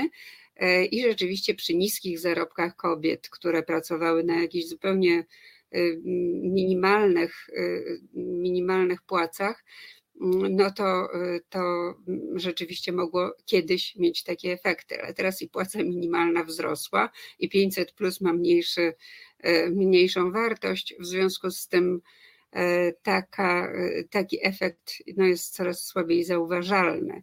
Ja nie, nie jestem przeciwna różnym programom społecznym. Uważam, że mm, państwo powinno wspierać najsłabszych. Nie mam co do tego żadnych wątpliwości. Chciałabym, żeby wspierało mądrze poprzez zapewnienie na przykład opieki żłobkowej, opieki przedszkolnej, dlatego że to nie jest tak, jak się mm, prawicowcom wydaje odciążenie kobiet i właśnie zajęcie ich, znaczy umożliwienie im pracy zawodowej, a powinny ich zdaniem siedzieć w domu, tylko to są szanse rozwojowe dla dzieci. To jest wyrównywanie ich szans w bardzo wielu środowiskach. Właśnie tam gdzie często nie ma żłobków i przedszkoli, w jakichś małych środowiskach, one, by były, one są najbardziej potrzebne, dlatego że po to, żeby dziecko później mogło iść do szkoły uczącej na wysokim poziomie i dalej awansować na studiach, żeby iść na studia, żeby nie odtwarzał się ciągle podział społeczny na tych, którzy pochodzą z rodzin lepiej wykształconych i sami są lepiej wykształceni, mówiąc w ogromnym skrócie, to ta edukacja wczesna musi się wcześniej zacząć. No i teraz nie każdy ma w domu takie warunki, żeby ta domowa edukacja była równa tej, którą może uzyskać w instytucji takiej jak żłobek czy przedszkole dobrze prowadzone, gdzie są osoby specjalizujące się w te, nauce dzieci w tym wieku i tak dalej. Także e, to y, tak jeszcze raz chcę powiedzieć, nie jestem przeciwniczką mm, socjalnych programów. Uważam, że 500 plus może miało taką zaletę, że omijały osoby e, w trudnej sytuacji konieczność proszenia o to. Natomiast uważam za nonsens płacenie wszystkim, to znaczy płacenie bardzo bogatym ludziom 500 plus jest nonsensem i stratą naszych pieniędzy społecznych i jest niesprawiedliwością, dlatego że no właściwie po co pieniądze wspólne, które moglibyśmy właśnie na te żłobki czy przedszkola w małych miejscowościach przeznaczyć, płacić ludziom, dla których to naprawdę nie jest żadna wartość w ich budżetach. Także. A pobierają, bo mogą. A pobierają, bo mogą, bo to jest w pewnym sensie automat E, I, I myślę, że takie świadczenia społeczne, taka była moja odpowiedź końcowa, jest tak, tylko że mądrze pomyślane, żeby wspierały właśnie te osoby, które są w trudnej sytuacji, a nie rozdawnictwo każdemu, kto ma dziecko. Profesoro, i tym e, ostatnim zdaniem zakończymy. Bardzo dziękuję za spotkanie, bardzo dziękuję za rozmowę. Mam nadzieję, że Państwu się trochę nieco jaśniej zrobiło, jeżeli chodzi o kobiety na rynku pracy i ile to jest różnego rodzaju elementów ze sobą powiązanych.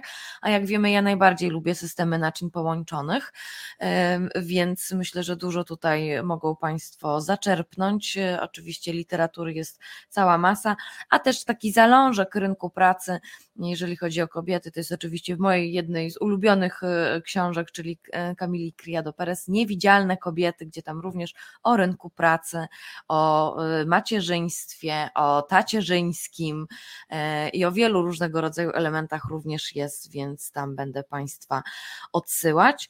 Profesoro, jeszcze raz bardzo, bardzo dziękuję. Ja dziękuję.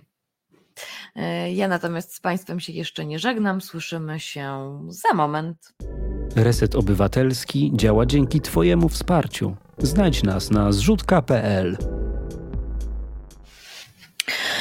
No to wracamy już tym razem na żywo. Przed mikrofonem Marta Woźniak, jak Państwo wiedzą. Za chwilę połączymy się z Jagodą Grondecką, z którą porozmawiamy sobie o kobietach w wojnie i Afganistanie, bo przez ostatnie miesiące dość no, sporo e, o Afganistanie, o przejęciu władzy przez talibów, o kolejnych ich pomysłach, e, ale również w kontekście płci. E, o tym za chwilę porozmawiamy sobie z Jagodą Grondecką. Mam natomiast nadzieję, że rozmowa z profesorą Małgorzatą Fuszarą przypadła Państwu do gustu i jest o czym rozmawiać i jest o czym się zastanawiać. Podglądałam trochę Państwa na czacie i myślę sobie, że mm, no jeżeli chodzi o te obowiązki domowe, to bez względu na płeć każdy je ma.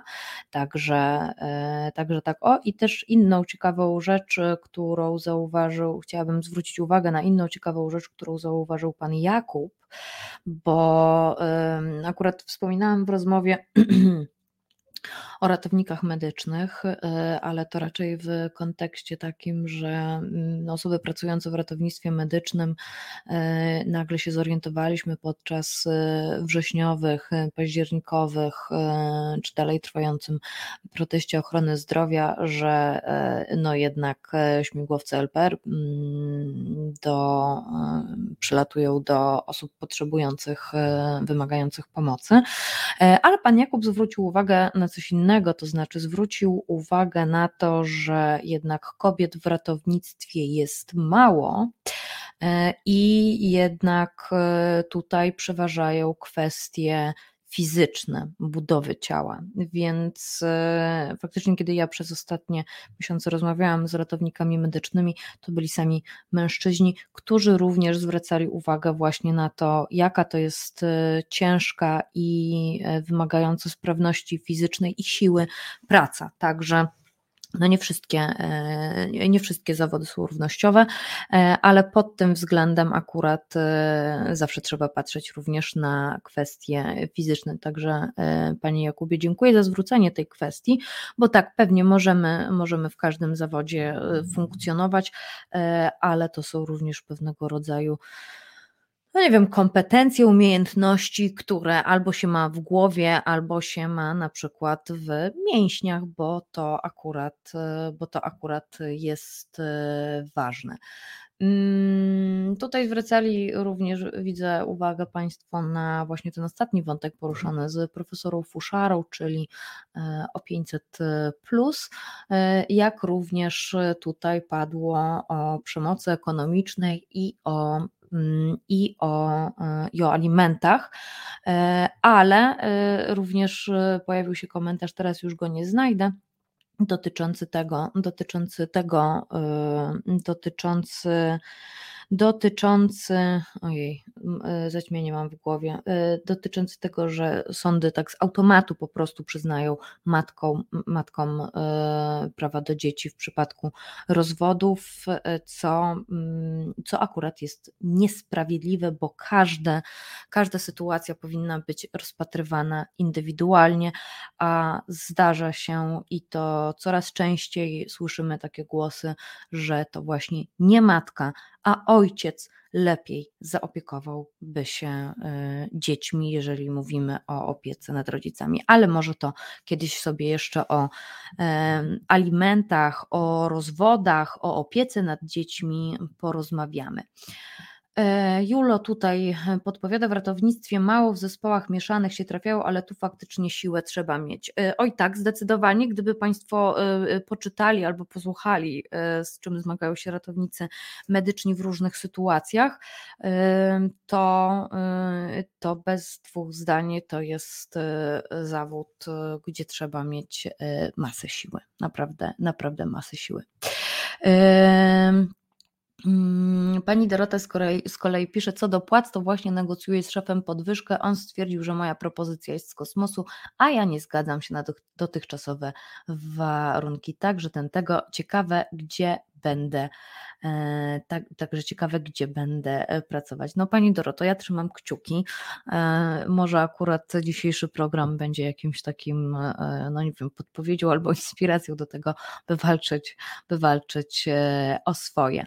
Mm, natomiast już teraz od Filipa, naszego realizatora, dowiaduję się, że jest już z nami Jagoda Grondecka, więc Filipie proszę o wprowadzenie naszej drugiej gościni do naszego wirtualnego studia. Witam Cię bardzo serdecznie. Witam pani redaktor. Witam pani redaktor również. Jagodo, powiedz, jak ty się masz? Miałaś bardzo intensywne półtora roku, a jeszcze bardziej intensywne ostatnie pół roku, tak na dobrą sprawę. I tutaj w tym świątecznym czasie, bo chciałabym jednak trochę nawiązać mimo wszystko do świąt, bo teraz tego sporo. Mm, jak ty się czujesz? E, ja się czuję dobrze, dziękuję. E, zrobiłam sobie właśnie urlop na święta, bo ostatnie święta spędziłam w Kabulu i stwierdziłam, że dwa lata z rzędu to jednak za dużo. E, więc jestem teraz w świątecznym klimacie z gotowaniem barszczu i pieczeniem pierników i tak dalej, i tak dalej. Bo rzeczywiście ostatnie, zwłaszcza pół roku było bardzo intensywne i bardzo potrzebowałam jednak wyjazdu z Afganistanu, żeby trochę właśnie złapać, złapać dystans, złapać oddech, odpocząć sobie i no i mi się udaje. No i widzisz, zawodowo, y, choć y, no, no, taka nasza praca, y, zawodowo jednak ja bardzo się cieszę z drugiego miejsca w tytule Dziennikarki Roku 2021 przy okazji ostatnich Grand Pressów, także z tej strony gratulacje. No i oczywiście Nagroda Amnesty International, International również, także jest tego, jest tego dość sporo. Będziemy rozmawiać dzisiaj o Afganistanie, o kobietach i o wojnie, mm, ale zanim to jeszcze w tym świątecznym, w tym świątecznym duchu zapytam, y, jak się obchodzi święta Bożego Narodzenia w Afganistanie? No, zasadniczo się nie obchodzi. E, chociaż kiedy właśnie w zeszłym roku je tam spędzałam i szukałam jakichś rzeczy typu ozdoby czy choinka, to udało mi się nawet kupić jakąś taką okropnie maszkarońską sztuczną choinkę, ale była. No bo swojego czasu tam jeszcze było sporo obcokrajowców, no, przedstawicieli ambasad, organizacji humanitarnych, pomocowych, ONZ-ów, nie ONZ-ów i tak dalej. E, więc w takich marketach właśnie bardziej nastawionych pod ekspatów można było jakieś takie świąteczne rzeczy e, znaleźć. Chociaż problem był z, no, raczej z jedzeniem typowym właśnie dla, dla polskich świąt z różnymi potrawami, przyprawami i tym, i tym podobnymi. No ale cóż, w tym roku akurat będziesz miała tą taką tradycyjną kolację czy tradycyjne potrawy, także, e, także zupełnie inaczej. Zanim przejdziemy też do tego, mm, zanim do tego przejdziemy, jak teraz wygląda Kabul, jak teraz wygląda Afganistan, e, to powiedz, e, talibowie, kiedy przejmowali władzę, to oni e, mówili, jakby były różnego rodzaju komentarze mm, ekspertów, e, osób mieszkających w Afganistanie, również Twoje, że mm, a propos tego, jak teraz będzie wyglądać, e, wyglądać władza, kiedy się zmieniła w tak gwałtowny sposób.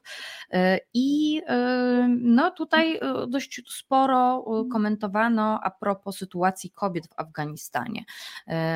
Talibowie obiecywali, że no będzie zupełnie inaczej inaczej, że e, tutaj będziemy, jakby bardzo upraszczając, będziemy zwracać uwagę na kobiety. Co oni wtedy obiecywali i czy w ogóle jakakolwiek z tych obietnic, nie wiem, się spełniła? E, przede wszystkim oni obiecywali, że nie będzie tak jak w latach 90., no co Afgańczycy, w szczególności Afganki, pamiętali i pamiętały. I bardzo się obawiali właśnie powrotu do okresu, kiedy kobiety były wyrugowane z życia społecznego e, praktycznie całkowicie. Kiedy nie miały dostępu do szkół, do uczelni, do żadnej pracy zawodowej, nie mogły same wychodzić z domu, e, nie miały w większości dostępu też do opieki zdrowotnej, były całkowicie uzależnione od, od męża czy jakiegoś innego tak zwanego męskiego opiekuna i po prostu ich nie było. To był, nie wiem, chyba jedyny na świecie przypadek takiego po prostu totalnego płciowego apartheidu, kiedy połowy, połowy społeczeństwa odebrało się takie najbardziej podstawowe prawa. No więc taka mm, główna obietnica właśnie brzmiała, że nie będzie tak jak w latach 90., że jakby Afganistan się zmienił, my też się jakby zmieniliśmy, my się tutaj dostosujemy do e, panujących teraz realiów. E, natomiast Afganki cały czas wyrażały bardzo duży sceptycyzm wobec tych, e, wobec tych obietnic. Tutaj też trzeba oczywiście uczciwie powiedzieć, że te zmiany i różne zdobycia ostatnich 20 lat no nie objęły całego Afganistanu, który mimo wszystko pozostaje bardzo konserwatywnym muzułmańskim krajem, przede wszystkim też bardzo, o bardzo niskim stopniu urbanizacji, co też ma zawsze wpływ na jakby zmiany społeczne i obyczajowe, bo 70% afgańskiej populacji plus minus e, żyje poza ośrodkami miejskimi, utrzymuje się z rolnictwa. E, no wiadomo jakby zewsząd, że różnego rodzaju właśnie takie nowinki, zmiany, jakaś taka powolna ewolucja, no na prowincje generalnie docierają zwykle później niż do dużych miast. Więc zupełnie inaczej wygląda sytuacja kobiety w Kabulu, czy w Heracie, czy chociażby w Mazary Sharif, czy Kandaharze. No a zupełnie inaczej ona wyglądała, jak się pojechało, nie wiem, 100 km od Kabulu na pierwszą lepszą po prostu wieś. No, przy czym też e, często te wsi były po prostu, są no, mniej czy bardziej odcięte od świata. Często po prostu nie ma tam dobrej drogi dojazdowej, często nie ma e, połączenia z internetem. E, więc to też jest tak, że nie, było, że nie było za dużego obiegu informacji, że wielu mieszkańców prowincji na przykład e, nie widziało nigdy Kabulu na oczy i to, co się nie wiem, dzieje w Kabulu, oni znają tylko z jakichś e, przykazów. I odkryłam też rozmawiając z takimi osobami, że oni często w ogóle są dość zdystansowani do tego, jak żyją Afgańczycy w Kabulu. I oni się często wyrażają wręcz o tym tak dość niepochlebnie na temat tego, co słyszeli od kogoś, czy jak to sobie wyobrażają, że to życie wygląda, właśnie w kwestiach jakichś takich obyczajowych. E, więc oczywiście były też kobiety przez ostatnie 20 lat, dla których nic się nie zmieniło. Mm, przed, przed przyjściem pierwszych talibów, po upadku talibów przez ostatnie 20 lat i dalej, i dalej nic. No natomiast była jednak grupa kobiet, e, zwłaszcza tych e, urodzonych, wychowanych już w czasach amerykańskiej okupacji, które bardzo, bardzo skorzystały na tych, na tych przemianach, dzięki temu mogły się wykształcić, mogły zrobić kariery, które wcześniej były zupełnie poza zasięgiem kobiet. No Ale to też chyba kwestie, y, pewnie y, majętność pewnie też ma, miałaby tutaj znaczenie, tak? E, tak, oczywiście. Oczywiście. Tutaj też dużą przeszkodą w dostępie do szkół i dla dziewcząt, i dla chłopców przez całe ostatnie 20 lat e, była też po prostu kwestia biedy. Raz na takim poziomie instytucjonalnym, e, strukturalnym, że mieszkańcy mówili na przykład, że ok, my chcemy wysłać córki do szkoły, ale żeby ta szkoła była w naszej wiosce, a nie pięć wiosek dalej, bo to jest po prostu niebezpieczne, jak one muszą same iść do szkoły przez trzy godziny dziennie piechotą w jedną stronę. E, a nauczyciele mówili z kolei, dla nas jest niebezpieczne dojeżdżać tak dalej. Powiedz, my będziemy dojeżdżać, ok, ale my chcemy mieć zapewnione bezpieczeństwo i chcemy mieć wyższą pensję. Tutaj o pensji mówimy rzędu wciąż jakby, nie wiem, 150 dolarów miesięcznie, więc są tego rzędu kwoty, żeby sobie uświadomić, jakby czego oni w zasadzie e, żądali, że oczekiwali. E, I często jakby słyszano odpowiedź od Ministerstwa Edukacji, że nie da się takich rzeczy zrobić. Często też po prostu rodziny były na tyle biedne, bo teraz bardzo się dużo mówi o upadku Afganistanu, właśnie takim ekonomicznym, o tym kryzysie humanitarnym, z którym teraz mamy do czynienia. E, no ale też sytuacja nie była dobra już wcześniej, już wcześniej, jakby nie wiem, 70 parę, 80, w zależności od różnych źródeł, są różne dane. Obywateli kraju żyła tak właśnie na granicy, na tej, Boże, jak się nazywa ten na tej granicy biedy, że tak powiem, tam dwóch dolarów dziennie. E, więc bardzo często rodziny po prostu nie wysyłały dzieci do szkoły, i oczywiście szczególnie córek, e, dlatego że po prostu ich nie było na to e, po pierwsze stać, no bo szkoły są darmowe, ale inaczej nie zapewnić jakieś ubranie, jakiś podręcznik, jakiś zeszyt, jakiś długopis. No i często te dzieci też musiały zwyczajnie wykonywać albo nieodpłatną pracę w domu, no właśnie zwłaszcza dziewczynki, albo odpłatną pracę gdzieś poza domem często w złych, niebezpiecznych warunkach, nie wiem, przy jakimś wypalaniu cegieł czy, czy jakichś takich rzeczach, albo po prostu sprzedając jakieś drobne rzeczy, albo żebrząc na ulicy. I były takie programy, na przykład World Food Program prowadził właśnie taki program, że rodzinom właśnie takim najbardziej potrzebującym zapewniano podstawowe produkty żywnościowe, jakąś mąkę, ryż, olej, w zamian za to, żeby córki z tej rodziny chodziły do szkoły. I faktycznie afgańscy wolontariusze, jakby działacze właśnie na rzecz powszechnego dostępu do edukacji mówią, że to przynosiło efekty, że kiedy tym rodzinom zapewniło się właśnie taką asystę, że oni mieli tyle mm, dobrą, w cudzysłowie, na tyle stabilną przynajmniej jakąś sytuację ekonomiczną, że te dzieci nie musiały już pracować i oni mogli do tej szkoły posłać, no to ich oni do tej szkoły posyłali. E, bo też nie jest tak, że wszyscy, że wszyscy nie chcieli, zwłaszcza ci afgańscy rodzice, no, którzy e, sami e, żyli właśnie w takich nieciekawych warunkach, jakby zdawali sobie sprawę, że dla ich dzieci edukacja może być, zwłaszcza dla córek, po prostu jakimiś, jakimiś drzwiami do, do lepszego życia niż mają oni sami. Oczywiście można spotkać też osoby, można spotkać też społeczności, które na edukację kobiet, zwłaszcza takim zachodnim modelu, patrzą nieco sceptycznie, obawiają się na przykład, że jak ich córka zacznie się uczyć, zacznie się kształcić, to jej się zamarzy być niezależną, nie będzie skromna, nie będzie przestrzegać zasad islamu, jeszcze w ogóle nie będzie nosić chusty i nie daj Boże zostanie piosenkarką, no to lepiej, żeby ona się nie uczyła w takim razie. Przy czym dużą rolę tutaj też odegrała oczywiście e, propaganda, jaką przeżyli talibowie przez te całe 20 lat. E, jakby ich stosunek do edukacji też się zmieniał w miarę jakby między tym, jak kiedy tworzyli pierwszy rząd, potem kiedy byli po prostu bojownikami w opozycji do, do rządu i do społeczności międzynarodowej e, i teraz.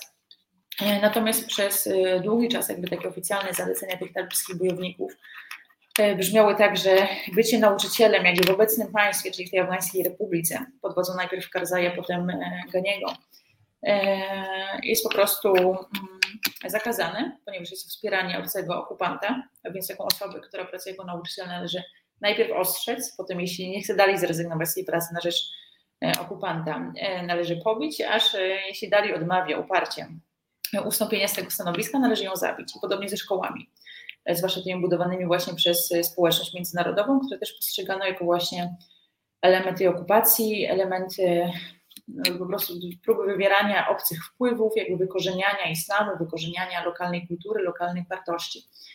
I rzeczywiście ta, ta propaganda przyniosła wymierny skutek, bo oni zaczęli ogłaszać tego rodzaju dekrety w 2006 roku i w 2007 statystycznie codziennie ginęło jedno, jakby jeden uczeń, uczennica lub nauczyciel. Na południu kraju szczególnie wtedy bardzo wiele szkół, które otwarto, zamknięto właśnie ze względów e, bezpieczeństwa. Więc wielu rodziców, którzy nawet chcieli właśnie dzieci wysyłać do szkoły, tej właśnie zwłaszcza córki, no bo wiadomo, że w Afganistanie, tak jak wszędzie, kobiety są narażone, dziewczynki, kobiety na po prostu więcej niebezpieczeństw. E, zwłaszcza córki po prostu nie chcieli ich do tych szkół posyłać, dlatego że to po prostu było e, zbyt niebezpieczne, dlatego że obawiali się, że te córki mogą po drodze paść ofiarami molestowania seksualnego, że mogą paść ofiarą e, napadu. E, same szkoły często no, w 2015 roku, czyli 15 lat do rozpoczęcia naszej okupacji, kiedy wpompowaliśmy już miliardy dolarów e, w budowę infrastruktury, e, w rozwój Afganistanu, e, połowa afgańskich szkół nie miała budynków, takich no, budynków jak na budynków z cegły czy, czy z czegoś tam, tylko one się mieściły gdzieś tam pod gołym niebem, pod jakimś namiotem.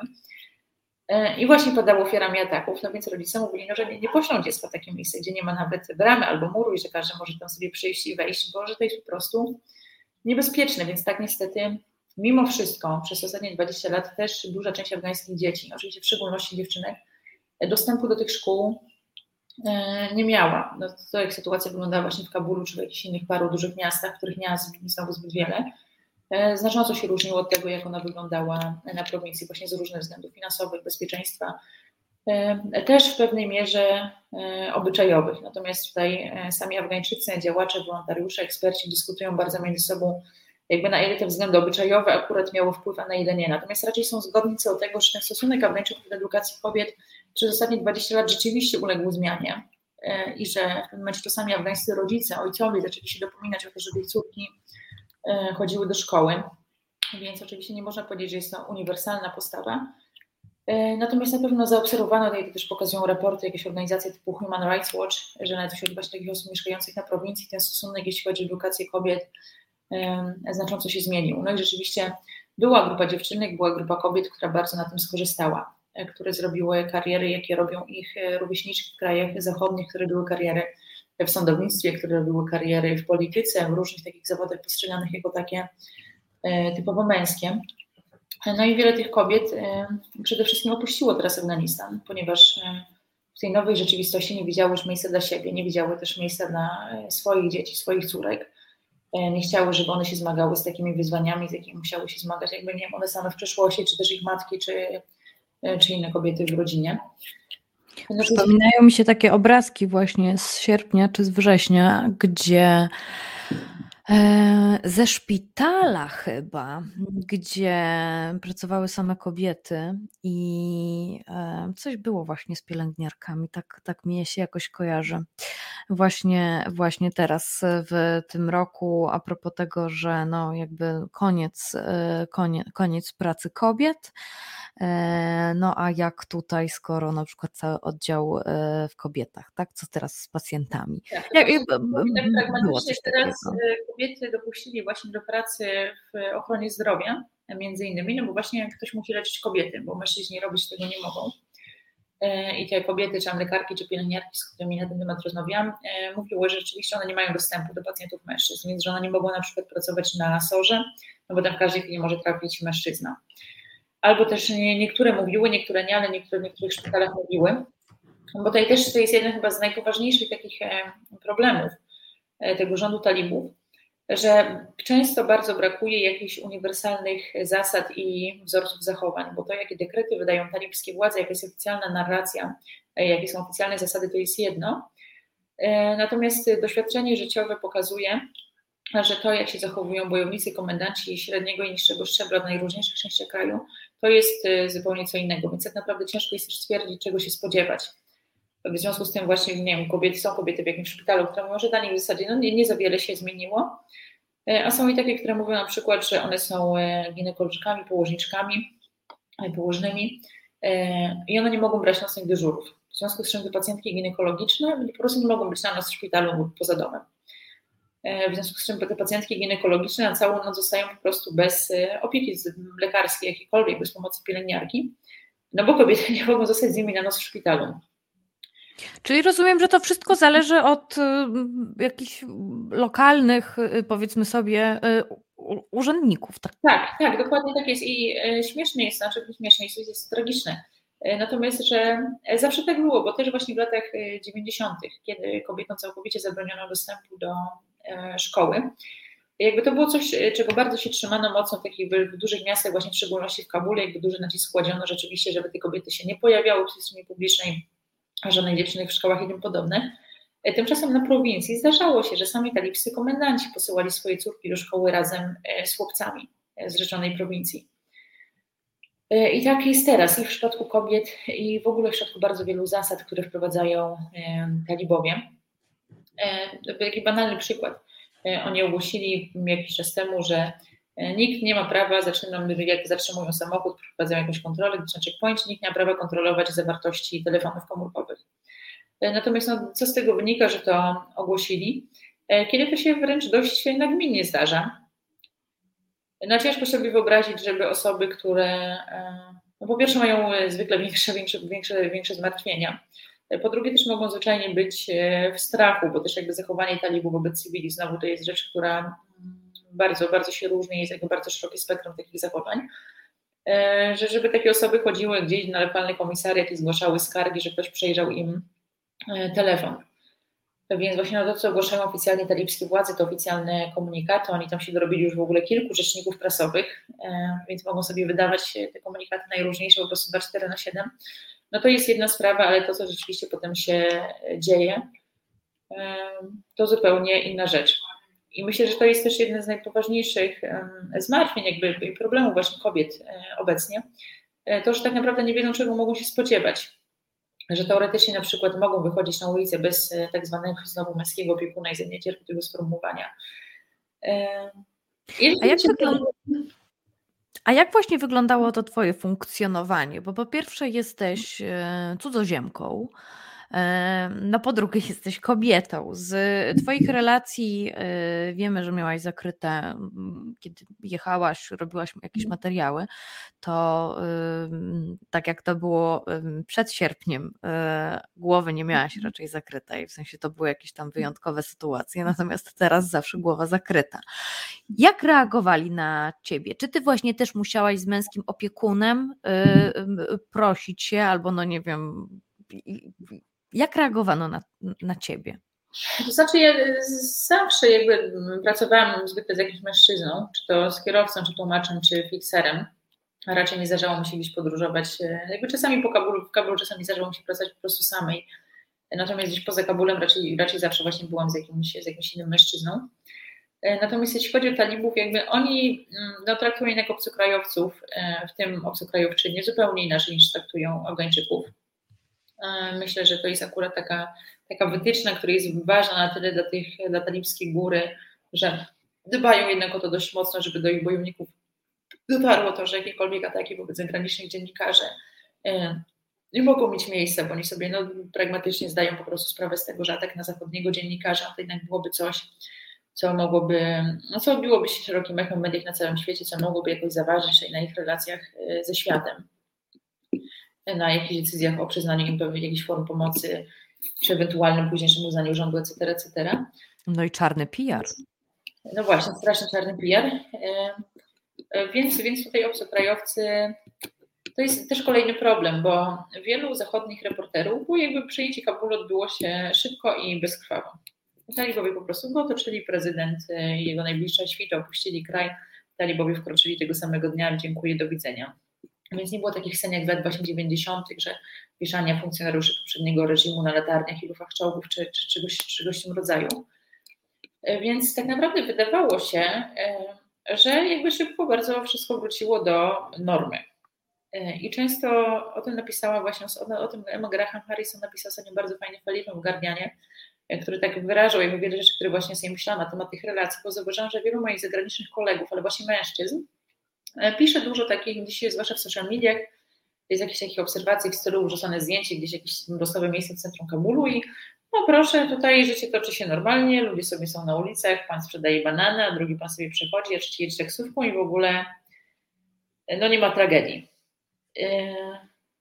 I, i, i myślę, że, że ta męska perspektywa jakby bardzo łatwiej pozwala zapominać jednak, że tam jest znacząco mniej kobiet niż było, bo wiele z nich nie wiedząc po prostu właśnie co je będzie czekać, na tyle się obawiało, że przez długi czas po prostu w ogóle nie wychodziły z domu. Rozmawiałam ostatnio z dziewczyną, która po przyjęciu władzy przez talibów z domu wyszła po dwóch miesiącach. I to tylko dlatego, że musiała pójść do banku, ponieważ nie działały bankomaty, więc musiała tam pójść odsać swoje w kolejce, żeby wypłacić jakieś e, pieniądze z konta, bo ona po prostu czuła się steroryzowana, czuła się przerażona, bardzo, bardzo po prostu bała się e, wyjść z domu. Zwłaszcza, że pojawiały się też, szybko się pojawiły doniesienia właśnie na przykład Human Rights Watch, że, że nie wiem, na przykład w Heracie czy w jakichś innych miejscach zdarza się, że właśnie, że talibscy funkcjonariusze jednak e, wyłapują kobiety, które na przykład nie są ich zdaniem dość zakryte, czyli na przykład mają odkryte dłonie lub stopy, albo że właśnie chodzą po ulicy same bez męskiego opiekuna i są wtedy odsyłane do domów i podobne przypadki. A więc chociaż na ulicach Kabulu można zobaczyć oczywiście kobiety, które wychodzą bez mężczyzn, Chociaż nie zdarza się, ale też nie zdarzało się wcześniej generalnie, żeby kobiety chodziły po ulicach tak same, same. Zwykle to jest jakby grupa dwóch, trzech przynajmniej jakichś przyjaciółek, czy, czy jakichś kobiet z rodziny, matki, ciotki. Raczej nie zdarza się widzieć Afganki po prostu chodzącej sobie po mieście, czy podróżującej jakoś zupełnie samotnie e, w pojedynkę. Pamiętamy, to może tak e, zanim co pamiętamy, kapitan Stratford pisze, co się działo w kazamatach, nie wiemy, to a propos e, przejęcia, przejęcia władzy, ale jeszcze kapitan Stratford napisał jeden komentarz, do którego chciałabym, żebyś się odniosła.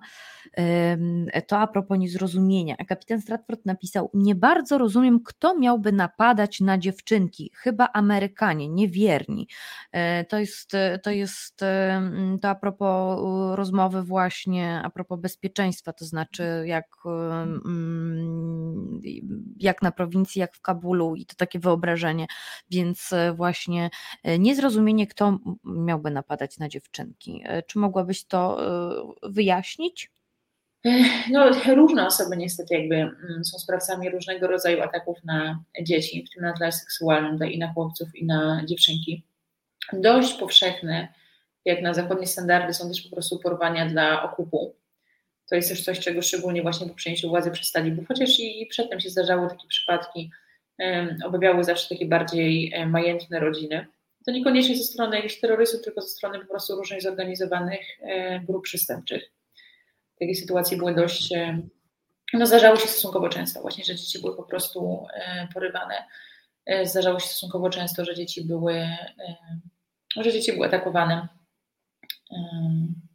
Zresztą nie tylko dzieci, jakby Tutaj można dyskutować jakby długo o przyczynach, ale też czas jakby wyobraźmy sobie Afganistan, czas wojny domowej, jakby chociażby weźmy sobie jakby sam Kabul, tak pod lupę, kiedy w tym jednym mieście walczyło ze sobą po prostu kilka różnych frakcji, różnych warlordów. I to był też jeden z powodów zresztą, dla których ludzie potem ze stosunkowym entuzjazmem, ale przynajmniej jakby z pewną ulgą powitali nadchodzących talibów. Dlatego, że sytuacje takie właśnie jak gwałty, morderstwa, znikanie osób bez śladu, porwania, bo po prostu czymś na porządku dziennym. Dochodziło też do, do większych rzezi, do, niektórzy nazywają to nawet ludobójstwami, na przykład tu mniejszości hazarskiej, tam mniejszości jakiejś innej, tu jakieś to członków jakiejś społeczności, tu członków jakiejś rodziny. E, ze względów właśnie najróżniejszych, jakby jakichś osobistych, ze względu jakieś, na jakieś spory klanowe, rodzinne, e, etniczne. E, więc po, po latach, bo ta, no, ta sytuacja tej wojny domowej potrwała, potrwała kilka lat, jakby ludzie mając, mając w pamięci też po prostu te, te straszne rzeczy i takie kompletne też bezprawie, mm, jakie, jakie panowało, panowało w tamtym czasie, E, jakby wyobrażam sobie, że mimo, że mimo tej zmiany kompletnej sytuacji, zmiany reżimu e, amerykańskiej okupacji, e, jednak też trudno jest właśnie na przykład zdecydować się na posłanie córki samej do szkoły, tak właśnie, żeby ona sobie szła do niej piechotą przez pół godziny, godzinę, czy dwie, czy więcej w jedną stronę, jakby wiedząc, co po prostu może się w międzyczasie, w międzyczasie wydarzyć. Myślę, że na pewnym poziomie jakby moglibyśmy wręcz mówić o tym, że, że jakby afgańskie społeczeństwo po prostu cierpi na jakieś takie jedno wielkie zbiorowe, e, zbiorowy zespół stresu pourazowego. Po prostu po tych wszystkich latach, e, latach wojen. Najpierw ze Związkiem Radzieckim, który też się nie obchodził z Afgańczykami zbyt e, delikatnie, później właśnie tej strasznej wojny domowej, później okropnego reżimu. No i wreszcie wojny amerykańskiej, bo tej też Oczywiście część mieszkańców, e, tej właśnie zwłaszcza kobiet, zwłaszcza z dużych miast, była zupełnie przyjściem talibów e, przerażona, e, czuła się bardzo zdradzona, oszukana, taka wystawiona po prostu do wiatru przez społeczność międzynarodową, tej właśnie zwłaszcza przez Stany Zjednoczone oczywiście, ale nie tylko. Natomiast też no, trzeba uczciwie powiedzieć, że były osoby i są osoby, które przywitały te zmiany z ulgą, ponieważ dla nich oznaczało to zakończenie codziennych walk, E, zakończenie częstych e, nalotów z powietrza e, jakby na, na wioski na przykład, w których mieszkają. Zakończenie jakby checkpointów na drogach, przez które, czy rozkładanie właśnie bomb na poboczach dróg, przez które nie mogli przejechać po prostu z jednego miasta do drugiego miasta. Więc są osoby, które przywitały tę sytuację z drugą wydaniu, dlatego że dla nich po prostu oznaczało to nastanie pewnego rodzaju pokoju, no bardzo upragnionego po czterech ponad dekadach konfliktu. I to też jest jakiś punkt widzenia, który, no, który warto jest zrozumieć, żeby też odpowiedzieć sobie jakby na pytanie, które wszyscy sobie zadawali i zadają, jakby jak to się w ogóle stało, że talibowie ponownie przyjęli władzę, jak to się stało, że doszło do tego e, tak szybko, jak to się stało, że doszło do tego właśnie, niektórzy mówią bez prawie jednego wystrzału, no po prostu przyszli i, i pozajmowali miasto za miastem. E, no to to jest właśnie jeden też z elementów, że, że niektórzy byli e, koszmarnie zmęczeni tą wojną, w której praktycznie każdy Afgańczyk kogoś stracił, czy przynajmniej jakby zna kogoś, kto, kto kogoś stracił. E, więc, więc oni jakby zakończenie tych najróżniejszych działań e, przywitali po prostu e, z radością, żeby nie powiedzieć z radością, czy przynajmniej właśnie z ulgą, że skończył się ten, ten straszny etap, ponieważ dla nich, oni często mówią, że, jakby, że dla nich mogło być, że nie mogło być już gorzej. Tutaj Państwo mi podpowiadają, że akurat y, pytanie kapitana Stratforda było y, przewrotne, y, ironiczne, sarkastyczne, bo faktycznie ja nie doczytałam kolejnego komentarza, kolejnego komentarza dotyczącego przecież tam są, chodzą sami święci, więc czemuż to miałoby, czemuż dziewczynki miałyby się czuć zagrożone, ale myślę, że mimo zadania tego pytania bez świadomości intencji, i dobrze zostało rozwinięte mimo to, więc, więc proszę, proszę docenić. Natomiast zadam jeszcze jedno pytanie z czatu, które się pojawiło i później przejdziemy już do obecnej sytuacji, co kobietom wolno, co kobietom nie wolno, jak wygląda przestrzeń publiczna, bo to też jest ważne i czy faktycznie jest tak, jak widzimy, czyli są zamalowane obrazki. Natomiast pytanie, e, wizerunki kobiet. E, natomiast mm. pytanie, mm, aha, jeszcze chciałam do, do, dotrzeć do, e, do listy BBC, na której znalazło się połowa z nich to Afganki, kobiet roku. Natomiast pytanie z czatu, najpierw to, a później ta cała reszta. Czy pan Jakub pyta, czy jest w Afganistanie coś takiego jak policja religijna? E, jeśli chodzi o coś takiego jak e, w Iranie, o taką jakąś policję obyczajową, to e, nie. Natomiast w zasadzie no, teraz niejako, chociaż słyszałam, słyszałam takie historie, jakby sama nigdy nie byłam świadkiem, natomiast słyszałam na przykład od mojego partnera czy od jakichś innych bliskich osób, że w czasach poprzedniego reżimu zdarzało się na przykład, że nie jechała sobie para samochodem e, i policjanci przy kontroli tego samochodu jakby dopytywali, kim ta, kim ta pani dla pana jest, czy wy jesteście małżeństwem, czy to jest pana siostra, czy matka, dlaczego wy jedziecie razem i tym podobne. E, chociaż oficjalnie, teoretycznie jakby żadnego takiego prawodawstwa jakby dającego im w ogóle uprawnienia, żeby takie pytania zadawać e, nie było. Jeśli chodzi o Afganistan, ja miałam zawsze takie poczucie, że tam w przeciwieństwie do Iranu, gdzie takie rzeczy są po prostu regulowane, regulowane dość restrykcyjnie prawnie, że tam taką formę jakby kontroli społecznej właśnie sprawują, sprawują sami członkowie lokalnych społeczności, które właśnie znowu przypomnijmy, one są często bardzo konserwatywne.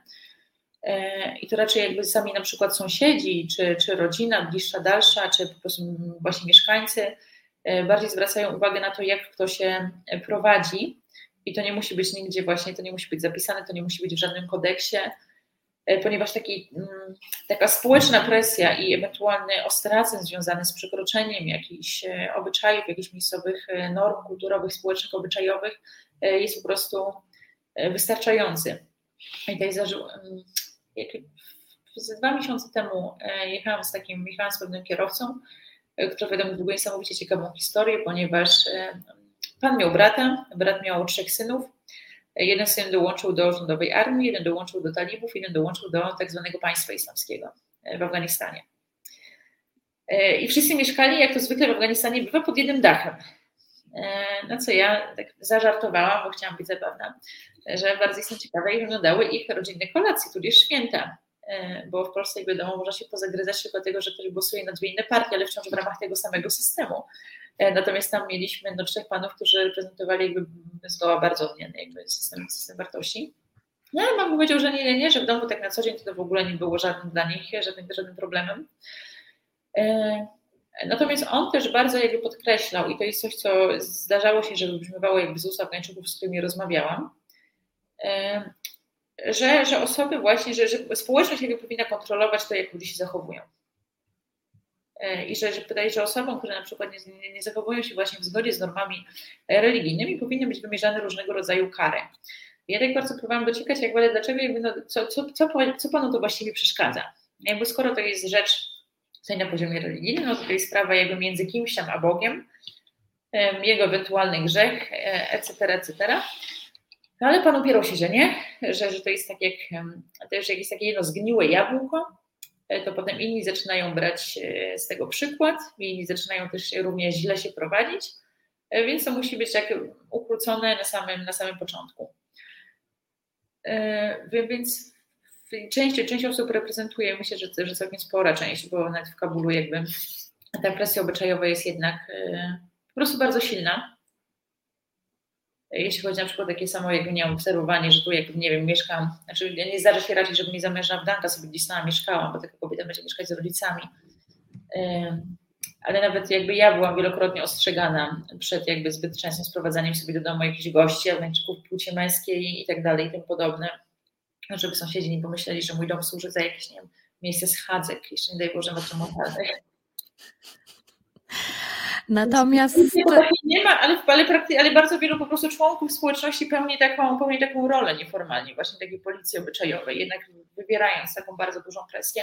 Oczywiście im mniejsza społeczność, tym depresja, tym depresja większa i często mogą być z tego wyciągane e, realne konsekwencje, bo też jakby duże części, duże grupy Afgańczyków no, żyły zawsze tak, no to prawo i w ogóle władza, implementacja i egzekwowanie tego prawa to właśnie często nie sięgało za bardzo na prowincję, więc tamtejsze społeczności żyły sobie po prostu według e, swoich zasad, według swojemu, swojego też e, systemu sprawiedliwości. E, I zdarzało się jak najbardziej, że za jakieś właśnie nieobyczajne zachowania po prostu w ramach tych miejscowych, mniejszych systemów były takim osobom wymierzane, wymierzane kary gdzieś w obrębie tej społeczności. Pomimo tego, że teoretycznie jakby w prawodawstwie, w kodeksach niczego takiego nie znajdujemy. A propos, a propos obyczajności i a propos popkultury, e, bo to też e, ma ogromny akurat wpływ na społeczeństwo, no to widzieliśmy, widzieliśmy takie obrazki, które też sama podawałaś, mianowicie zamazywanie wizerunków kobiet w przestrzeni publicznej. Natomiast ostatnio e, na łamach Gazety Wyborczej również e, pisałaś tekst dotyczący e, zakazywania filmów z udziałem kobiet. Taki był pomysł talibów. Opowiedz trochę, jak to, jak, to, jak to wygląda, przy czym najgorsze jest to, że mamy już bardzo mało czasu, ale myślę, że y, myślę, że tak. wody i będę mówić bardzo szybko. Okej, okej. Okay, E, proszę Państwa, e, tak to właśnie wygląda w, e, w domu, że jednak jak się mówi dużo, to chce się napić. Choć z tego co widzę, tam z tyłu u Jagody Grądeckiej jest lodówka, ale pyk, pyk, już, już, już. Popkultura i kobiety. A więc jeśli chodzi o to zamalowanie wizerunków, generalnie wcześniej w fabule jakby dużą popularnością cieszyły salony piękności. E, więc te wizerunki kobiet i to takich właśnie bez jakiejkolwiek zasłony z otwartymi włosami były czymś bardzo powszechnym w mieście. E, I po, po powrocie zauważyłam, że część tych wizerunków została zamalowana. E, przy czym w ogóle one były zamalowane, jakby zauważam, na przykład niektóre mają zamalowane twarze, ale zostawione włosy. Potem zauważam jakieś, które mają zamalowane włosy albo i nie dekolty, ale zostawione twarze. Także tak trochę bez ładu i składu, jakby, jakby ci ludzie do końca sami nie wiedzieli, co tam w zasadzie jest zdrożnego w tych wizerunkach i czego się trzeba pozbyć. E, natomiast raptem, nie dwa dni temu talibowie ogłosili w Kabulu całkowity zakaz używania postaci kobiet, wizerunków kobiet do reklamowania czegokolwiek, e, co wzbudziło sprzeciw właśnie przede wszystkim właśnie właścicieli takich biznesów jak e, salony piękności, dla których no, wizerunki pięknych, zadbanych kobiet są po prostu wizytówką ich, ich działalności. Tak, w międzyczasie też to Ministerstwo Propagowania Cnót i Zapobiegania Występkom e, ogłosiło taki zestaw wytycznych dla mediów, dla telewizji przede wszystkim, e, w którym zakazano e, właśnie filmów, w, jakich, w których grają jakiekolwiek kobiety. Przy czym też talibowie właśnie, tak jak, tak, jak, tak jak robią to zresztą często, oni na przykład ogłaszają coś takiego, po czym trochę, kiedy jakby społeczność zaczyna to zwracać uwagę, no wiadomo, budzi to jakiś opór, budzi to protest, oni zaczynają się trochę wycofywać rakiem i mówić, ale że to nie są oficjalne wytyczne, jakby to nie jest nowe prawo, to są tylko e, zalecenia. Natomiast wiadomo, że jeśli ktoś ma i chce prowadzić dalej jakąś stację telewizyjną, no to raczej tych zaleceń, tylko zaleceń, będzie przestrzegał. E, przy czym się, że od czasu do czasu zrobią jakiś taki wentyl, jak na przykład Afgańczycy, podobnie jak e, Irańczycy, czy też Kurdowie, czy też niektórzy mieszkańcy generalnie Azji Centralnej, e, świętowali 21 grudnia Szabę Jalda, czyli tą najdłuższą noc w roku, równonoc, przełamanie światła, ciemność wielu. I z tej okazji pozwolono w Tolo TV, takiej z takich największych, najbardziej znanych afgańskich prywatnych stacji telewizyjnych, wyemitować muzykę na żywo, co było w czasach pierwszej jakby pierwszego rządu talibów całkowicie zakazane i o co też były jakby częste pytania. Więc z jednej strony właśnie, a tu pokażemy tej właśnie bardzo popularnej komercyjnej stacji, jak panowie sobie na żywo grają e, na instrumentach. E, natomiast z drugiej strony mamy historię bardzo wielu steroryzowanych e, muzyków, którzy, którzy, którzy nie mogą już grać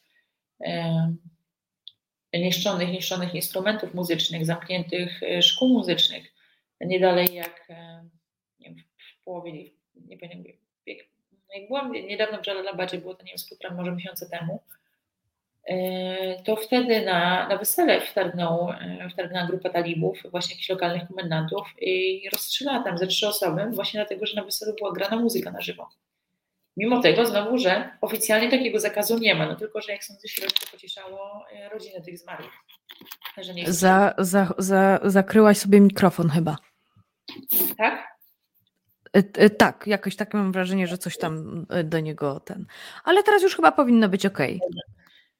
No właśnie, więc znowu, mimo tego, że nie ma oficjalnie zakazu, więc oczywiście zaraz po tym, po tym zabójstwie, jakby talibowie znowu, że nie, nie, tu zakazu nie ma, tu kolejne jedno z takich ulubionych sformułowań, że to nie byli talibowie, tylko osoby, które się podają za talibów. E, a ponieważ no, nie jest to najbardziej zorganizowana grupa świata. Nie ma I znowu tam... ktoś nam robi czarny PR. Tak, dokładnie. E, nie ma tam, talibowie nie mają jakiegoś jednego mundurowania, e, tylko noszą praktycznie co popadnie. Niektórzy mają jakieś mundury amerykańskie, niektórzy mają uszycie takie tradycyjne afgański strój, piranton ban, czyli taką długą tunikę i luźne spodnie we wzór moro, co mnie, co mnie niezwykle zawsze jakoś rozczula. No, legitymacji członkowskiej nie ma, nie wiem, jakichś odcisków palców nie zbierają, więc tak naprawdę każdy może, e, każdy może przyjść i powiedzieć, że, że, że, że jest talibem.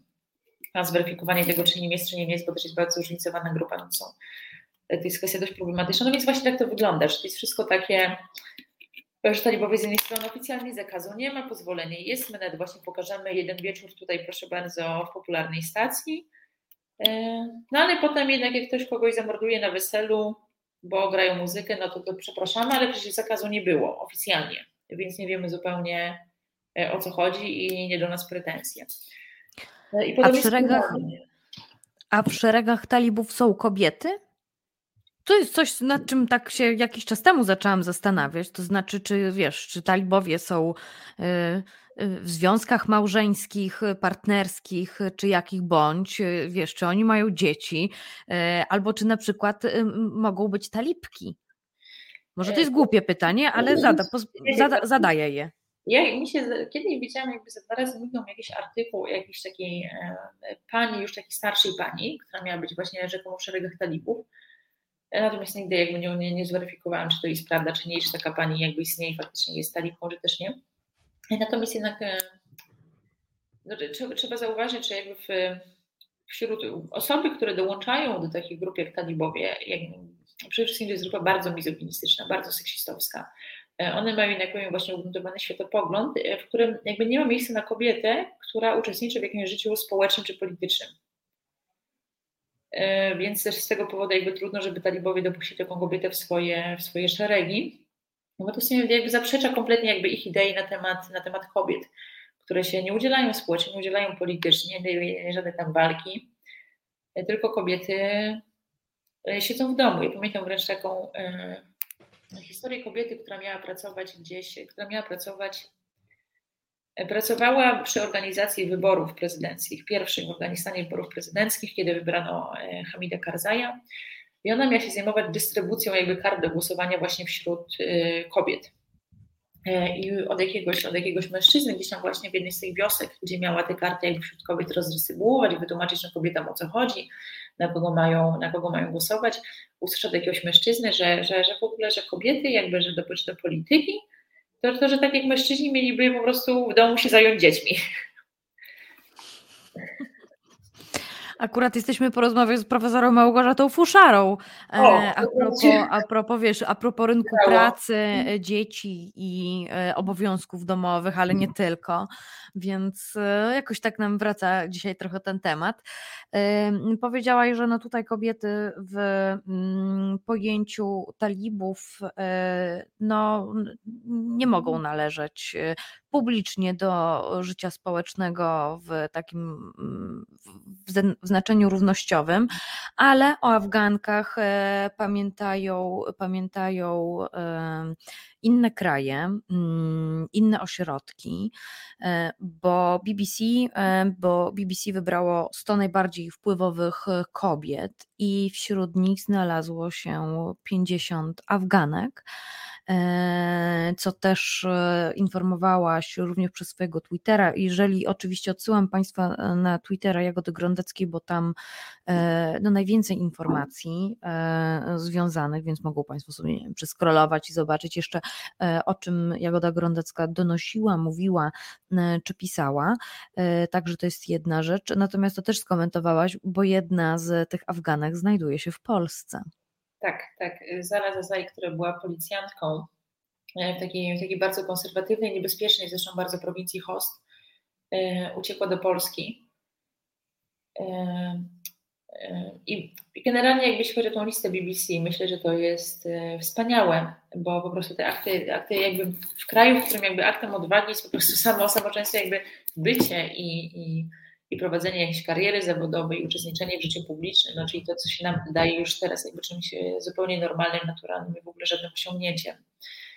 E, albo na przykład protestowanie, jakby chodzenie na protesty w słusznej sprawie generalnie jest bardzo jakby chwalebną, chwalebną rzeczą E, ale szczególnie właśnie w miejscu, kiedy tak naprawdę nie wiadomo, kiedy wszystko, wszystko może tym kobietom grozić za, za, za złamanie tego społecznego porządku, który próbują zaprowadzić talibowie, e, no to jest jakiś akt jakiejś niesamowitej, absolutnej odwagi i też, też oczywiście pokazuje pewną, pewną ich desperację.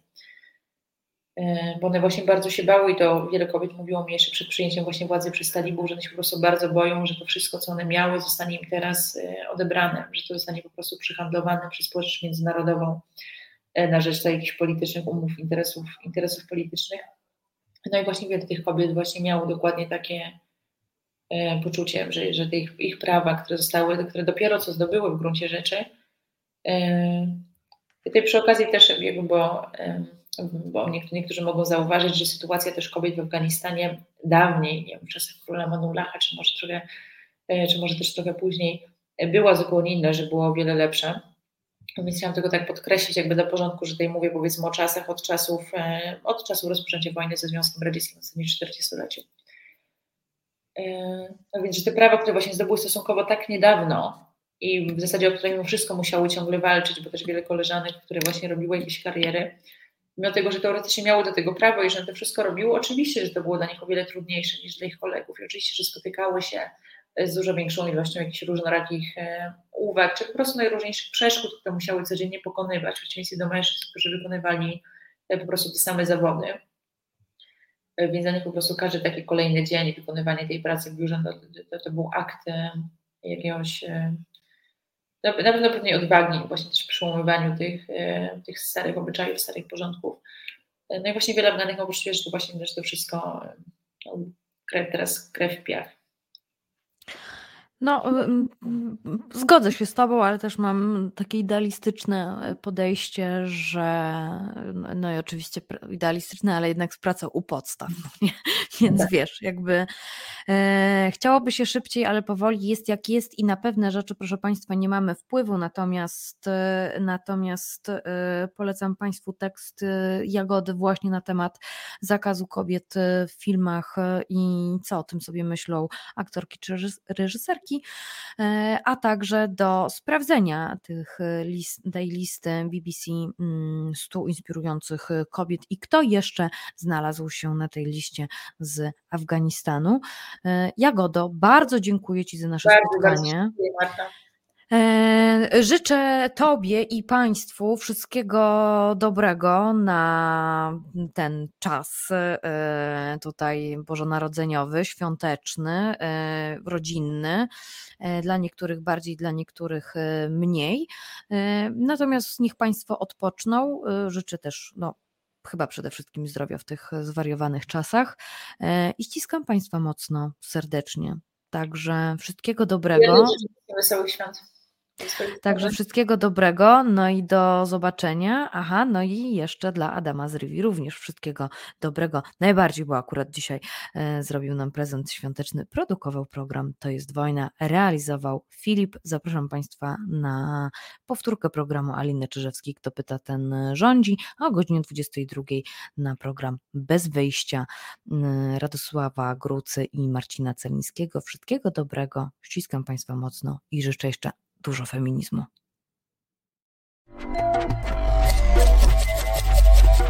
Reset Obywatelski.